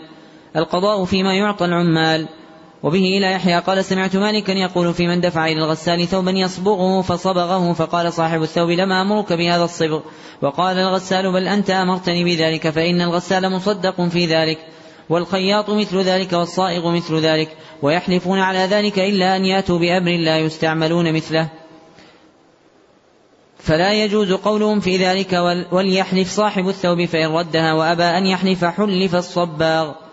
وبه يحيى قال وسمعت مالكا يقول في الصباغ يدفع إليه الثوب فيخطئ به فيدفعه إلى رجل آخر حتى يلبسه الذي أعطاه إياه. إنه لا غرم على الذي لبسه. ويغرم الغسال لصاحب الثوب. وذلك إذا لبس الثوب الذي دفع إليه على غير معرفة فإنه ليس له. فإن لبسه وهو يعرف أنه ليس ثوبه فهو ضامن له. القضاء في الحمالة والحول. تقدم أنه والحول. وذكرنا أن معناه الحوالة وهي إحالة أحد دينه على رجل آخر. نعم. أحسن الله إليكم. وبه إلى يحيى قال وسمعت مالكا يقول الأمر عندنا في الرجل يحيل الرجل على الرجل بدين له عليه أنه إن أفلس الذي احتيل عليه أو مات فلم يدع وفاء فليس للمحتال على الذي أحاله شيء وأنه لا يرجع على صاحبه الأول. قال مالك هذا الأمر الذي لا اختلاف فيه عندنا. وبه قال مالك فأما الرجل يتحمل له الرجل بدين له على رجل آخر ثم يهلك المتحمل أو يفلس فإن الذي تحمل له يرجع على غريمه الأول. القضاء في من ابتاع ثوبا وبه عيب. وبه إلى أحياء قال سمعت مالكا يقول إذا ابتاع الرجل ثوبا وبه عيب من حرق أو غيره قد علمه البائع فشهد عليه بذلك وأقر به فأحدث فيه الذي ابتاعه حدثا من تقطيع ينقص من الثوب ثم علم المبتاع بالعيب فهو رد على البائع وليس على الذي ابتاعه غرم في تقطيعه إياه وبه قال مالك من ابتاع رجل, رجل ثوبا وبه عيب من حرق أو عوار فزعم الذي باعه أنه لم يعلم بذلك وقد قطع الثوب الذي ابتاعه أو صبغه فالمبتاع بالخيار إن شاء أن يوضع عنه قدر ما نقص الحرق أو العوار من ثمن الثوب ويمسك الثوب فعل وإن شاء أن يغرم ما نقص التقطيع أو الصبغ أو الصبغ من ثمن الثوب ويرده فعل وهو في ذلك بالخيار. فإن كان المبتاع قد صبغ الثوب صبغا يزيد في ثمنه فالمبتاع بالخيار إن شاء أن يوضع عنه قدر ما نقص العيب من ثمن الثوب. وإن شاء أن يكون شريكا للذي باعه الثوب فعل. وينظر كم ثمن الثوب وفيه الحرق أو العوار. فإن كان ثمنه عشرة دراهم وثمن ما زاد فيه الصبغ خمسة دراهم. كان شريكين في الثوب لكل واحد منهما على قدر حصته. فعلى حساب هذا يكون ما زاد الصبغ في ثمن الثوب. ما لا يجوز من النحل قوله رحمه الله ما لا يجوز من النحل يعني العطية. وتقدم أن قول مالك ما لا يجوز من كذا وكذا من أمهات التراجم فقد كررها في كتابه إحدى عشرة مرة. نعم. أحسن الله إليكم. وبه قال مالك عن ابن شهاب عن حميد بن عبد الرحمن بن عوف وعن محمد بن النعمان بن بشير أنهما حدثاه عن النعمان بن بشير رضي الله عنه أنه قال إن أباه بشيرا أتى به إلى رسول الله صلى الله عليه وسلم فقال إني نحلت ابني هذا غلاما كان لي. فقال رسول الله صلى الله عليه وسلم أكل, أكل ولدك نحلته مثل هذا؟ قال لا. فقال رسول الله صلى الله عليه وسلم فارتجعه. وبه قال مالك عن ابن شهاب عن عروة بن الزبير عن عائشة رضي الله عنها زوج النبي صلى الله عليه وسلم أنها قالت إن أبا بكر الصديق رضي الله عنه كان نحلها جاد عشرين وسقا. من ماله بالغابة. فلما حضرته الوفاة فلما حضرته الوفاة قال والله يا بنية ما من الناس أحد أحب إلي غنى بعدي منك ولا أعز علي فقرا بعدي منك وإني كنت نحلتك جاد عشرين وسقا. فلو كنت جلدته فلو كنت جلدتيه واحتز فلو كنت جلدتيه واحتزتيه وكان لك وإنما هو اليوم مال وارث وإنما هو أخواك وأختاك فاقتسموه على كتاب الله. قالت عائشة رضي الله عنها فقلت يا أبت والله لو كان كذا وكذا لتركته إنما هي أسماء فمن الأخرى. فقال ذو بطن بنت خارجة أراها جارية. وبه قال مالك عن ابن شهاب عن عروة بن الزبير عن عبد الرحمن بن عبد القاري عن عبد الرحمن بن عبد القاري أن عمر بن الخطاب رضي الله عنه قال ما بال رجال ينحلون أبناءهم نحلا ثم يمسكونها فإن مات ابن أحدهم قال ما لي بيدي لم أعطه أحدا وإن مات هو قال هو لابني قد كنت أعطيته إياه من نحل نحلة فلم يحزها فلم يحزها الذي نحلها حتى تكون إن مات لورثته فهي باطل. ما يجوز من العطية. وبه إلى يحيى قال سمعت مالكا يقول الأمر عندنا في من أعطى أحدا عطية لا يريد ثوابها فأشهد عليها فإنها ثابتة للذي يعطيها إلا أن يموت المعطي قبل أن يقبضها الذي يعطيها. قال وإن أراد المعطي إمساكها بعد أن, بعد أن أشهد عليها فليس ذلك له إذا قام عليه به بها صاحبها أخذها. وبه قال مالك ومن أعطى عطية ثم نكل الذي أعطى فجاء الذي أعطيها بشاهد يشهد له أنه أعطاه ذلك. عرضا كان أو ذهبا أو ورقا أو حيوانا. أحلف الذي أعطي مع شهادة شاهده فإن أبى الذي أعطي أن يحلف حلف المعطي وإن أبى أن يحلف أيضا أدى إلى المعطى ما ادعى عليه. إذا كان له شاهد واحد فإن لم يكن له شاهد فلا شيء عليه. وبه قال مالك ومن أعطى عطية لا يريد ثوابها ثم مات المعطى فورثته بمنزلته. وإن مات المعطي قبل أن يقبض المعطى عطيته فلا شيء له. وذلك أنه أعطي عطاء لم يقبض. فإن أراد المعطي أن يمسكها وقد أشهد عليها حين أعطى فليس ذلك له. إذا قام صاحبها أخذها. القضاء في الهبة. وبه قال مالك عن داود بن الحصين عن أبي غطفان بن طريف المري أن عمر بن الخطاب رضي الله عنه قال من وهب هبة لصلة رحم أو على وجه صدقة فإنه لا يرجع فيها. ومن وهب هبة يرى أنه إنما أراد بها الثواب فهو على هبته يرجع فيها إذا لم يرض منها. وبه إلى يحيى قال سمعت مالكا يقول الأمر المجتمع عليه عندنا أن الهبة إذا تغيرت عند الموهوب له للثواب بزيادة أو نقصان. فإن على الموهوب له أن يعطي صاحبها قيمتها يوم قبضها. الاعتصار في الصدقة. قوله رحمه الله الاعتصار في الصدقة أي الرجوع فيها. أحسن الله إليكم. وبه لا يحيى قال سمعت مالكا يقول الأمر عندنا الذي لا اختلاف فيه أن كل من تصدق على ابنه بصدقة قبضها الابن أو كان في حجر أبيه فأشهد له على صدقته. فليس له أن يعتصر أن يعتصر شيئا من ذلك لأنه لا يرجع في شيء من الصدقة. وبه إلى يحيى قال وسمعت مالكا يقول الأمر المجتمع عليه عندنا في من نحل ولده نحلا أو أعطاه عطاء ليس بصدقة أن له أن يعتصر ذلك ما لم يستحدث الولد دينا يداينه الناس به ويأمنونه عليه. ما لم يستحدث الولد دينا يداينه الناس به ويأمنونه عليه. من أجل ذلك العطاء الذي أعطاه أبوه فليس لأبيه أن يعتصر من ذلك شيئا بعد أن تكون عليه الديون. وبه لا يحيى قال قال مالك أو يعطي أو يعطي الرجل ابنته أو ابنه فتنكح المرأة الرجل. إنما تنكح لغناه فتنكح المرأة الرجل. أحسن الله إليكم. وبه إلى يحيى قال قال مالك أو يعطي الرجل ابنته أو ابنه فتنكح المرأة الرجل أو إنما تنكحه لغناه. وللمال الذي أعطاه أبوه فيريد أن يعتصر ذلك الأب في فيريد أن يعتصر ذلك الأب أو يتزوج الرجل المرأة. قد نحلها أبوها النحل إنما يتزوجها ويرفع في صداقها لغناها ومالها وما أعطاها أبوها. ثم يقول الأب أنا أعتصر ذلك فليس له أن يعتصر من ابنه ولا من ابنته شيئا من ذلك إذا كان على ما وصفت. القضاء في العمرة وبه قال مالك عن ابن شهاب عن أبي سلمة بن عبد الرحمن عن جابر بن عبد الله الأنصاري رضي الله عنهما أن رسول الله صلى الله عليه وسلم قال أيما رجل أعمر عمرا له ولعقبه فإنها للذي أعطاها لا ترجع إلى الذي أعطاها أبدا لأنه أعطى عطاء وقعت فيه المواريث. وبه قال مالك عن يحيى بن سعيد عن عبد الرحمن بن القاسم أنه سمع مكحولا أنه سمع مكحولا الدمشقي يسأل القاسم بن محمد عن العمرة وما يقول الناس فيها. فقال القاسم بن محمد ما أدركت الناس إلا وهم على شروطهم في أموالهم وفيما أعطوا. وبه إلى يحيى قال سمعت مالكا يقول على ذلك الأمر عندنا أن العمرة ترجع إلى الذي أعمرها إذا لم يقل هي لك ولعقبك. وبه قال مالك عن نافع أن عبد الله بن عمر رضي الله عنهما ورث حفصة بنت عمر دارها. قال وكانت حفصة قد أسكنت بنت زيد بن الخطاب ما عاشت. فلما توفيت بنت زيد قبض عبد الله بن عمر رضي الله عنهما المسكن ورأى أنه له القضاء في اللقطة. وبه قال مالك عن ربيعة بن أبي عبد الرحمن عن يزيد مولى المنبعث عن زيد بن خالد الجهني رضي الله عنه أنه قال جاء رجل إلى رسول الله صلى الله عليه وسلم فسأله عن اللقطة فقال عرف عفاصها ووكاء ثم عرفها سنة فإن جاء صاحبها وإلا فشأنك بها قال فضالة الغنم يا رسول الله قال لك أو لأخيك أو للذئب قال فضالة الإبل قال ما لك ولها معها سقاؤها وحذاؤها تريد الماء وتأكل الشجرة حتى يلقاها ربها. قوله عن يزيد مولى المنبعث تقدم أن ما كان من هذا الرسم فهو في الموطأ بالياء التحتانية والزاي المعجمة وليس فيه بريد بالموحدة ولا بالراء المهملة. نعم.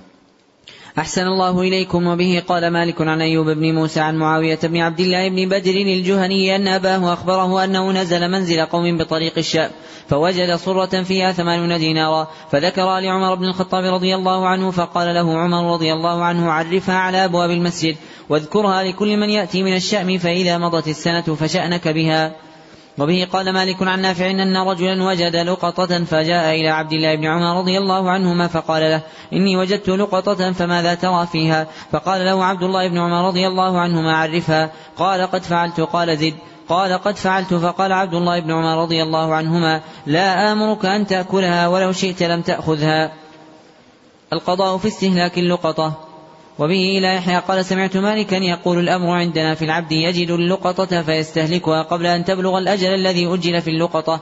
وذلك سنة أنها في رقبته. إما أن يعطي سيده ثمن ما استهلك غلامه وإما أن يسلم إليهم غلامه. وإن أمسكها حتى يأتي الأجل الذي أجل في اللقطة ثم استهلكها كانت دينا عليه يتبع به ولم تكن في رقبته ولم يكن على سيده فيها شيء. القضاء في الضوال. وبه قال مالك عن يحيى بن سعيد عن سليمان بن يسار أن ثابت بن الضحاك الأنصاري أخبره أنه وجد, وجد بعيرا بالحرة فعقله ثم ذكره لعمر بن الخطاب رضي الله عنه فأمره عمر رضي الله عنه أن يعرفه ثلاث مرات فقال له ثابت إنه قد شغلني عن ضيعتي فقال له عمر رضي الله عنه أرسله حيث وجدته. وبه قال مالك عن يحيى بن سعيد عن سعيد بن المسيب أن عمر بن الخطاب رضي الله عنه قال وهو مسند ظهره إلى الكعبة من أخذ ضالة فهو ضال. وبه قال مالك أنه سمع ابن شهاب يقول كانت ضوال الإبل في زمن عمر بن الخطاب رضي الله عنه إبلا مؤبلة النتائج لا يمسها أحد حتى إذا كان زمان عثمان بن عفان حتى إذا كان زمان عثمان بن عفان رضي الله عنه أمر بتعريفها ثم تباع فإذا جاء صاحبها أعطي ثمنها. صدقة الحي عن الميت, عن الميت. وبه قال مالك عن سعيد بن عمرو بن شرحبيل عن سعيد بن سعد بن عبادة عن أبيه عن جده أنه قال خرج سعد بن عبادة رضي الله عنه مع رسول الله صلى الله عليه وسلم في بعض مغازيه فحضرت أمه الوفاة بالمدينة فقيل لها أوصي. فقالت فيما أوصي؟ إن المال مال سعد فتوفيت قبل أن يقدم سعد إنما المال. فقالت فيما أوصي إنما المال مال سعد فتوفيت قبل أن يقدم سعد فلما قدم سعد بن عبادة رضي الله عنه ذكر ذلك له فقال سعد رضي الله عنه يا رسول الله هل ينفعها أن أتصدق عنها؟ فقال رسول الله صلى الله عليه وسلم نعم. فقال سعد رضي الله عنه حائط كذا وكذا صدقة عنها لحائط سماه. وبه قال مالك عن هشام بن عروة عن أبيه عن عائشة رضي الله عنها زوج النبي صلى الله عليه وسلم. أن رجلا قال لرسول الله صلى الله عليه وسلم إن أمي افتلتت نفسها وأراها لو تكلمت تصدقت أفأتصدق عنها؟ فقال رسول الله صلى الله عليه وسلم نعم. وبه قال مالك أنه بلغه أن رجلا من الأنصار من بني الحارث بن الخزرج تصدق على أبويه بصدقة فهلكا فورث ابنهما المال وهو نخل فسأل عن ذلك رسول الله صلى الله عليه وسلم فقال قد أجرت في صدقتك وخذها بميراثك. تقدم في الأوراق السابقة. تكرار المصنف رحمه الله تعالى قوله القضاء في كذا القضاء في كذا قريبا من عشرين مرة. ومع ذلك لم نذكر أنه من أمهات الأبواب عنده من أمهات التراجم عنده. لماذا؟ أحسنت. لاختصاصها في بباب واحد فهي تفصيل لمجمله. لاختصاصها بباب واحد فهي تفصيل لمجمله فكأنه قال كتاب الأقضية ومنها القضاء في أمهات الأولاد ومنها القضاء في عمارة الموات ومنها القضاء في المياه وهلم جرا فأمهات الأبواب أشبه شيء بالقواعد التي تتعلق بجمل متفرقة وهذا الموضع أشبه بالضابط الذي يتعلق بباب واحد دون غيره. نعم. أحسن الله إليكم. كتاب الأمر بالوصية. وبه قال مالك عن نافع عن عبد الله بن عمر رضي الله عنهما أن رسول الله صلى الله عليه وسلم قال ما حق امرئ مسلم له شيء يوصي فيه يبيت ليلتين إلا ووصيته عنده مكتوبة. وبه إلى يحيى قال قال مالك الأمر المجتمع عليه عندنا أن الموصي إن أوصى في صحته أو مرضه بوصية فيها عتاقة رقيق من رقيقه أو غير ذلك فإنه يغير من ذلك ما بدا له ويصنع من ذلك ما شاء حتى يموت. وإن أحب أن يطرح تلك الوصية ويبدلها فعل إلا أن يدبر مملوكا. فإن دبر فلا سبيل له إلى تغيير ما دبر. وذلك أن رسول الله صلى الله عليه وسلم قال ما حق امرئ مسلم له شيء يوصي فيه يبيت ليلتين إلا وصيته عنده مكتوبة. وبه إلى يحيى قال قال مالك فلو كان الموصي لا يقدر على تغيير وصيته ولا ما ذكر فيها من العتاقة كان كل موص قد حبس ماله الذي أوصى فيه من العتاقة وغيرها. وقد يوصي الرجل في صحته وعند سفره. قال مالك فالأمر عندنا الذي لا اختلاف فيه أنه يغير من ذلك ما شاء غير التدبير. جواز وصية الصغير والضعيف والمصاب والسفيه. وبه قال مالك عن عبد الله بن أبي بكر بن حزم عن ابيه أن عمرو أن عمرو بن سليم أن عمرو بن سليم الزرقي اخبر أن عمرو بن سليم الزرقي أنه أخبره أنه قيل لعمر بن الخطاب رضي الله عنه إنها هنا غلاما يف إنها هنا غلاما يفاعى لم يحترم من غسان. ووارثه بالشأم وهو ذو مال وليس له هاهنا إلا ابنة عم له. قال عمر بن الخطاب رضي الله عنه فليوصلها. قال فأوصى لها بمال يقال له بئر جشم. قال عمرو بن سليم فبيع ذلك المال بثلاثين ألف درهم وابنة عمه التي أوصى لها هي هي أم عمرو بن سليم. وبه قال مالك عن يحيى بن سعيد عن أبي بكر بن حزم أن غلاما من غسان حضرته الوفاة بالمدينة ووارثه بالشام فذكر ذلك لعمر بن الخطاب رضي الله عنه فقيل له إن فلانا يموت أفيوصي؟ قال فليوصي. قال يحيى بن سعيد قال أبو بكر وكان الغلام ابن عشر سنين وكان الغلام ابن عشر سنين أو اثنتي عشرة سنة. فأوصى ببئر جشم فباعها أهلها بثلاثين ألف درهم. وبه إلى يحيى قال وسمعت مالكا يقول الأمر المجتمع عليه عندنا أن الضعيف في عقله والسفيه والمصاب الذي يفيق أحيانا يجوز وصاياهم. إذا كان معهم من عقولهم ما يعرفون ما يوصون به. فأما من ليس معه من عقله ما يعرف بذلك ما يوصي به وكان مغلوبا على عقله فلا وصية له. القضاء في الوصية في الثلث لا يتعدى. وبه قال مالك عن ابن شهاب عن عامر بن سعد بن أبي وقاص عن أبيه رضي الله عنه أنه قال جاءني رسول الله صلى الله عليه وسلم يعودني عام حجة وداع من وجع اشتد بي فقلت يا رسول الله قد بلغ بي من الوجع ما ترى وأنا ذو مال ولا, يري ولا يرثني إلا ابنة لي أفأتصدق بثلثي مالي؟ قال رسول الله صلى الله عليه وسلم لا قلت فالشطر قال لا ثم فقلت. فقلت فالشطر؟ قال لا. ثم قال رسول الله صلى الله عليه وسلم الثلث والثلث كثير. إنك أن تذر ورثتك أغنياء خير من خير من أن تذرهم عالة يتكففون الناس. وإنك لن تنفق نفقة تبتغي بها وجه الله إلا أجرت إلا أجرت حتى ما تجعل في في امرأتك. قال فقلت يا رسول الله أأخلف بعد أصحابي يا رسول الله أأخلف بعد أصحابي. فقال رسول الله صلى الله عليه وسلم إنك لن تخلف فتعمل عملا صالحا إلا ازددت به درجة ورفعة ولعلك أن تخلف حتى ينتفع بك أقوام ويضر بك آخرون. اللهم أمض لأصحابي هجرتهم ولا تردهم على أعقابهم. لكن البائس سعد بن خولة يرثي له رسول الله صلى الله عليه وسلم أم مات بمكة. وبه إلى يحيى قال وسمعت مالكا يقول في الرجل يوصي بثلث, بثلث ماله لرجل ويقول غلامي يخدم فلان ويقول غلامي يخدم فلانا ما عاش ثم هو حر فينظر فينظر فينظر في ذلك فيوجد العبد ثلث مال الميت. ينظر أحسن الله إليكم. فينظر في ذلك فيوجد العبد ثلث مال الميت. قال فإن خدمة العبد تقوم ثم يتحاصان. يحاص الذي يحاص الذي أوصي له بالثلث بثلثه. يحاص الذي أوصي له بالثلث بثلثه ويحاص الذي أوصي له بخدمة العبد بما قوم له من خدمة العبد فيأخذ كل واحد منهما من خدمة العبد أو من إيجارته إن كانت له إيجارة بقدر حصته فإذا مات الذي جعلت له خدمة العبد ما عاش عتق العبد. وبه إلى يحيى قال وسمعت مالكا يقول في الذي يوصي في ثلثه فيقول لفلان كذا ولفلان كذا يسمي مالا من ماله فيقول ورثته قد زاد على ثلاثة فإن الورثة يخيرون فإن الورثة يخيرون بين أن يعطوا أهل الوصايا وصاياهم ويأخذون جميع مال الميت وبين أن يقسموا لأهل الوصايا ثلث مال الميت فيسلمون إليهم ثلثه فتكون حقوقهم في فتكون حقوقهم فيه إن أرادوا بالغا ما بلغ. أمر الحامل والمريض والذي يحضر القتال في أموالهم.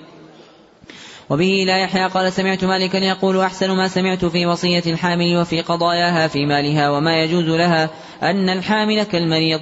فإذا كان المرض الخفيف غير المخوف على صاحبه فإن صاحبه يصنع في ماله ما يشاء. فإذا كان المرض المخوف عليه لم يجوز لصاحبه شيء إلا ثلثه. قال وكذلك المرأة الحامل أول حملها بشر وسرور وليس بمرض ولا خوف لأن الله تبارك وتعالى قال في كتابه فبشرناها بإسحاق ومن وراء إسحاق يعقوب. وقال تبارك وتعالى حملت حملا خفيفا فمرت به فلما أثقلت دعوا الله ربهما لئن آتيتنا صالحا لنكونن من الشاكرين. قال فالمرأة الحامل إذا أثقلت لم يجز لها قضاء إلا في ثلثها فأول الإتمام ستة أشهر. قال الله تبارك وتعالى في كتابه والوالدات يرضعن أولادهن حولين كاملين. قال وحمله وفصاله ثلاثون شهرا. فإذا مضى للحامل ستة أشهر من يوم حملت لم من يوم حملت لم يجز لها قضاء في مالها إلا في الثلث. وبه إلى يحيى قال وسمعت مالكا يقول في الرجل يحضر القتال. إنه إذا زحف في الصف للقتال لم يجوز له أن يقضي في ماله شيئا إلا في الثلث. وإنه بمنزلة الحامل والمريض المخوف عليه ما كان بتلك الحال. الوصية للوارث الوصية للوارث والحيازة. وبه إلى يحيى قال سمعت مالكا يقول في هذه الآية إنها منسوخة قول الله تبارك وتعالى. حيازة مرفوعة. والحيازة معطوفة على الوصية. نعم. أحسن الله إليكم. وبه إلى يحيى قال سمعت مالكا يقول, يقول في هذه الآية إنها منسوخة قول الله تبارك وتعالى. إن ترك خيرا الوصية للوالدين والأقربين. نسخها ما نزل من قسمة الفرائض في كتاب الله عز وجل. وبه إلى يحيى قال وسمعت مالكا يقول السنة الثابتة عندنا التي لا اختلاف فيها أنه لا يجوز وصية لوارث إلا أن يجيز له ورثة الميت إلا أن يجيز له ذلك ورثة الميت وأنه إن جاز له بعضهم وأبى بعض جاز له حق من أجاز منهم ومن أبى أخذ حقه من ذلك. وبه إلى يحيى قال وسمعت مالكا يقول في المريض الذي في المريض الذي يوصي فيستأذن ورثته في وصيته وهو مريض ليس له من ماله إلا ثلثه. فيأذنون له أن يوصي لبعض ورثته بأكثر من ثلثه. إنه ليس لهم أن يرجعوا في ذلك. ولو جاز ذلك لهم صنع كل وارث ذلك. فإذا هلك الموصي أخذوا ذلك لأنفسهم ومنعوه الوصية في ثلثه وما أذن له به في ماله. قال فأما أن يستأذن ورثته في وصية يوصي بها لوارث في صحته فيأذنون له فإن ذلك لا يلزمهم ولورثته أن يردوا ذلك إن شاءوا وذلك أن الرجل إذا كان صحيحا كان أحق بجميع ماله يصنع فيه ما, يصنع فيه ما شاء إن شاء أن يخرج من جميعه خرج يتصدق به أو يعطيه من شاء وإنما يكون استئذانه ورثته جائزا على الورثة إذا أذنوا له حين يحجب عنه ماله. ولا يجوز له شيء إلا في ثلثه وحين هم أحق بثلثي ماله منه فذلك حين يجوز عليهم أمرهم وما أذنوا له به فإن سأل بعض ورثته أن يهب له ميراثه حين تحضره الوفاة فيفعل ثم لا يقضي فيه الهالك شيئا فإنه رد فإنه رد على من وهبه. إلا أن يقول له الميت فلان لبعض ورثته ضعيف وقد أحببت أن تهب له ميراثك فأعطاه إياه فإن ذلك جائز إذا سماه الميت له. قال وإن وهب له ميراثه ثم أنفذ الهالك بعضه وبقي بعضه فهو رد على الذي وهب يرجع إليه ما بقي بعد وفاة الذي أعطيه. وبه إلى يحيى قال وسمعت مالكا يقول في من أوصى بوصية فذكر أنه قد كان أعطى بعض ورثته شيئا لم يقبضه فأبى الورثة أن يجيزوا ذلك. فإن ذلك يرجع إلى الورثة ميراثا على كتاب الله لأن الميت لم يرد أن يقع شيء من ذلك في ثلثه ولا يحاص أهل الوصايا في ثلثه بشيء من ذلك. ما جاء في المؤنث من الرجال ومن أحق بالولد. وبه قال مالك عن هشام بن عروة عن أبيه أن مخنثا كان عند أم سلمة رضي الله عنها زوج النبي صلى الله عليه وسلم فقال لعبد الله بن أبي أمية ورسول الله صلى الله عليه ورسول الله صلى الله عليه وسلم يسمع يا عبد الله إن فتح الله عليكم الطائف غدا فأنا أدلك على بنت غيلان فإنها تقبل بأربع وتدبر بثمان. فقال رسول الله صلى الله عليه وسلم لا يدخلن هؤلاء عليكم. وبه قال مالك عن يحيى بن سعيد أنه قال سمعت القاسم بن محمد يقول كانت عند عمر بن الخطاب رضي الله عنه امرأة من الأنصار فولدت له عاصم بن عمر ثم إنه فارقها فجاء عمر قباء فوجد ابنه عاصما يلعب بفناء المسجد فأخذ بعضده فوضعه بين يديه على الدابة فأدركته جدة الغلام. فنازعته إياه حتى أتيا أبا بكر الصديق رضي الله عنه فقال عمر رضي الله عنه ابني وقالت المرأة ابني فقال أبو بكر الصديق رضي فقال أبو بكر الصديق رضي الله عنه خل بينها وبينه. قال فما رجعه عمر رضي الله عنه الكلام. وبه إلى يحيى قال سمعت مالكا يقول هذا الأمر الذي آخذ به في ذلك العيب في السلعة وضمانها. وبه إلى يحيى قال سمعت مالكا يقول في الرجل يبتاع السلع ضمانها. وضمانها. أحسن الله إليكم. العيب في السلعة وضمانها. وبه إلى يحيى قال سمعت مالكا يقول في الرجل يبتاع السلعة من الحيوان أو الثياب أو العروض فيؤخذ ذلك البيع غير جائز. فيرد ويؤمر الذي قبض السلعة أن يرد أن يرد إلى صاحبه سلعته. قال فليس لصاحب السلعة إلا قيمتها يوم قبضت منه وليس يوم يرد ذلك إليه وذلك أنه ضمنها من يوم قبضها. فما كان فيها من نقصان بعد ذلك كان عليه فبذلك كان نماء فبذلك كان نماؤها وزيادتها له.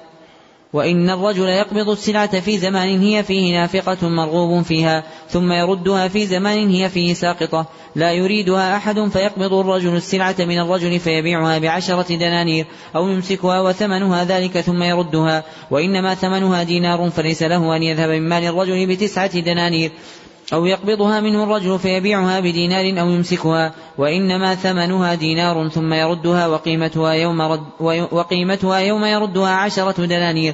فليس على الذي قبضها أن يغرم أن يغرم لصاحبها من ماله تسعة دنانير. إنما عليه قيمة ما قبض إنما عليه قيمة ما قبض يوم قبضه. قال ومما يبين ذلك أن السارق إذا سرق السلعة فإنما ينظر إلى ثمنها يوم يسرقها.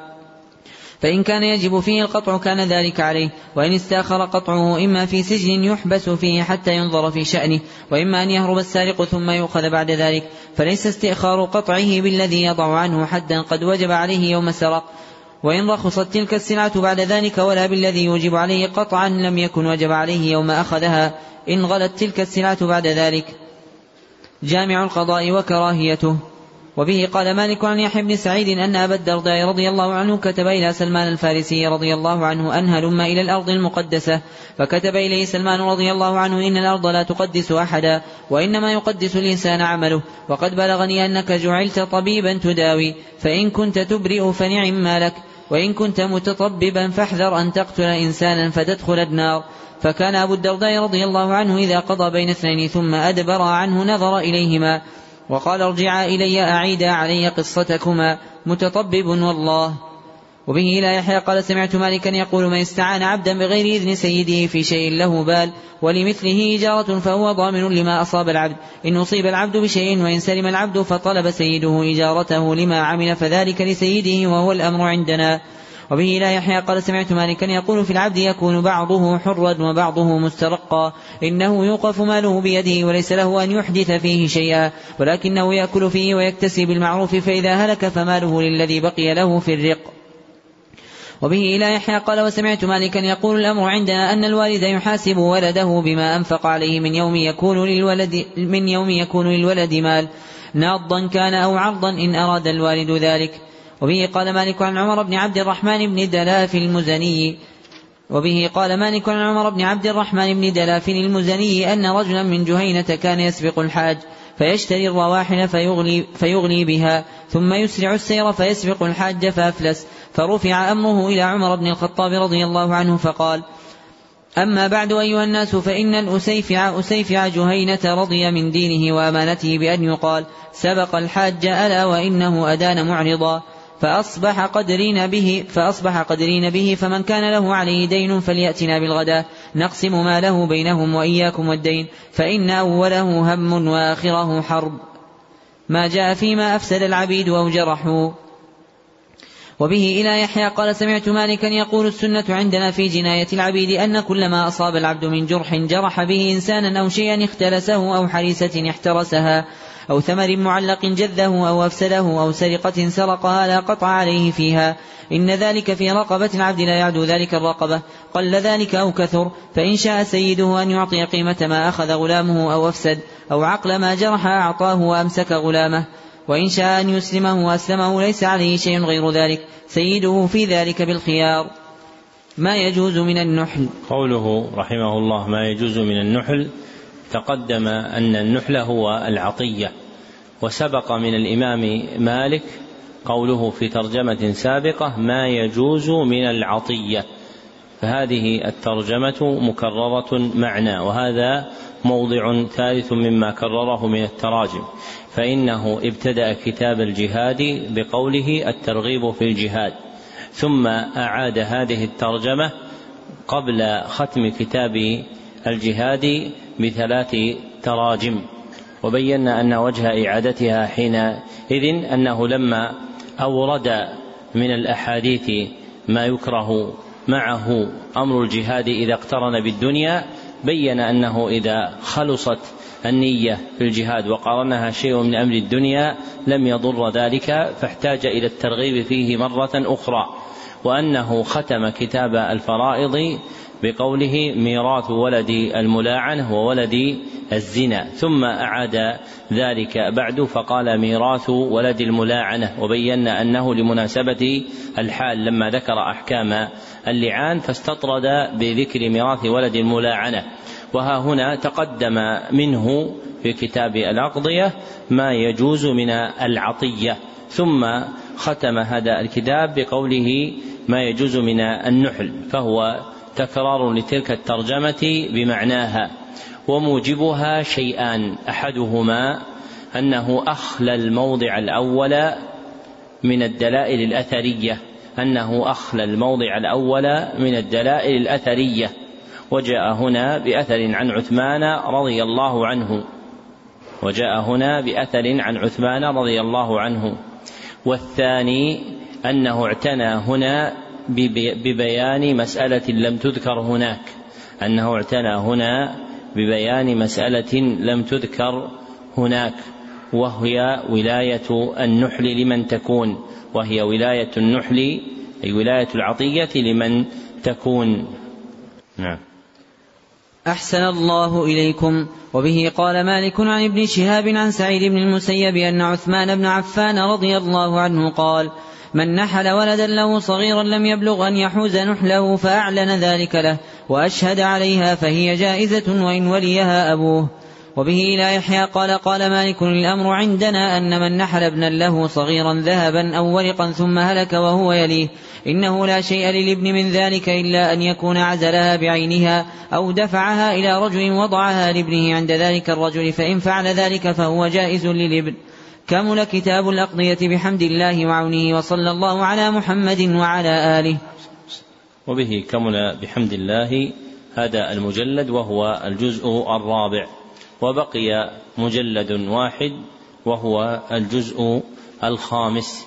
وسنقرأه بإذن الله عز وجل مقسوما بين يومين. ثم نقرأ في اليوم الذي يليه الكتب الستة المتعلقة بالموطأ إن ساعد الوقت أو نترك بعضها بعضها لما بعده.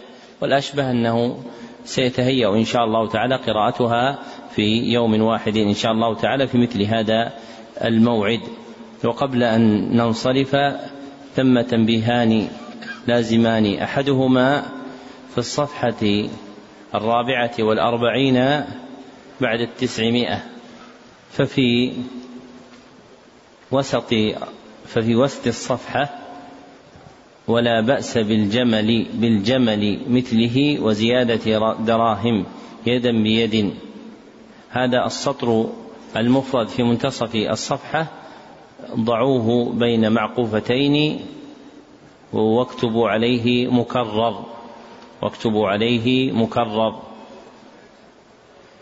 اشتبه على طابع الكتاب فسياق الكلام كما هو. قال مالك الأمر المجتمع عليه عندنا أنه لا بأس بالجمل بالجمل مثله وزيادة دراهم يدا بيد. ثم ما بعد هذا من هنا يبدأ الضرب. ولا بأس بالجمل بالجمل مثله وزيادة دراهم يدا بيد. إلى هنا ينتهي. ثم الجملة التي بعده ولا بأس بالجمل بالجمل مثله وزيادة دراهم. الجمل بالجمل يدا بيد والدراهم إلى أجل كما في الاستذكار وغيره. ففي شروح الموطأ ومنها الاستذكار والزرقان ليست هذه الجملة واقعة كهذا النحو فهي تكرار وقع غلطا. تنبيه آخر في الصفحة التسعين بعد التسعمائة في منتصف الصفحة. وليس من باب الإجارة. ولو كان من باب الإكلة.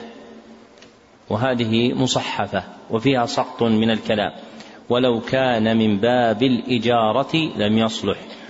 ولو كان من باب الإجارة لم يصلح. وتصير العبارة فهذا من باب الجعل وليس من باب الإجارة. ولو كان من باب الإجارة لم يصلح. ثبت مصححا من الاستذكار وشرح الزرقاني على موطأ الإمام مالك. وأشكر كل من نبه إلى مثل هذه المواضع. وهذه المو... وهذان الموضعان هما مع ما تقدم من الحديث الذي زاده أشد ما وقع من المخالفة في هذه النسخة. والحديث الذي زاده كما نبهنا هو ذو الرقم 1726 وهو حديث من ها؟ من نذر أن يطيع الله فليطعه ومن نذر أن يعصي الله فلا يعصه ومن اللطائف أن ابن عبد البر رحمه الله تعالى لما التزم في شرح التمهيد أن يشرح رواية يحيى وذكر أن هذا الحديث ليس من رواية يحيى قال إلا أنه أصل في بابه فنحتاج إلى إثباته وشرحه فزاده وشرحه لأجل الحاجة إلى ما فيه من العلم. والحمد لله رب العالمين وصلى الله وسلم على عبده ورسوله محمد وعلى آله وصحبه أجمعين.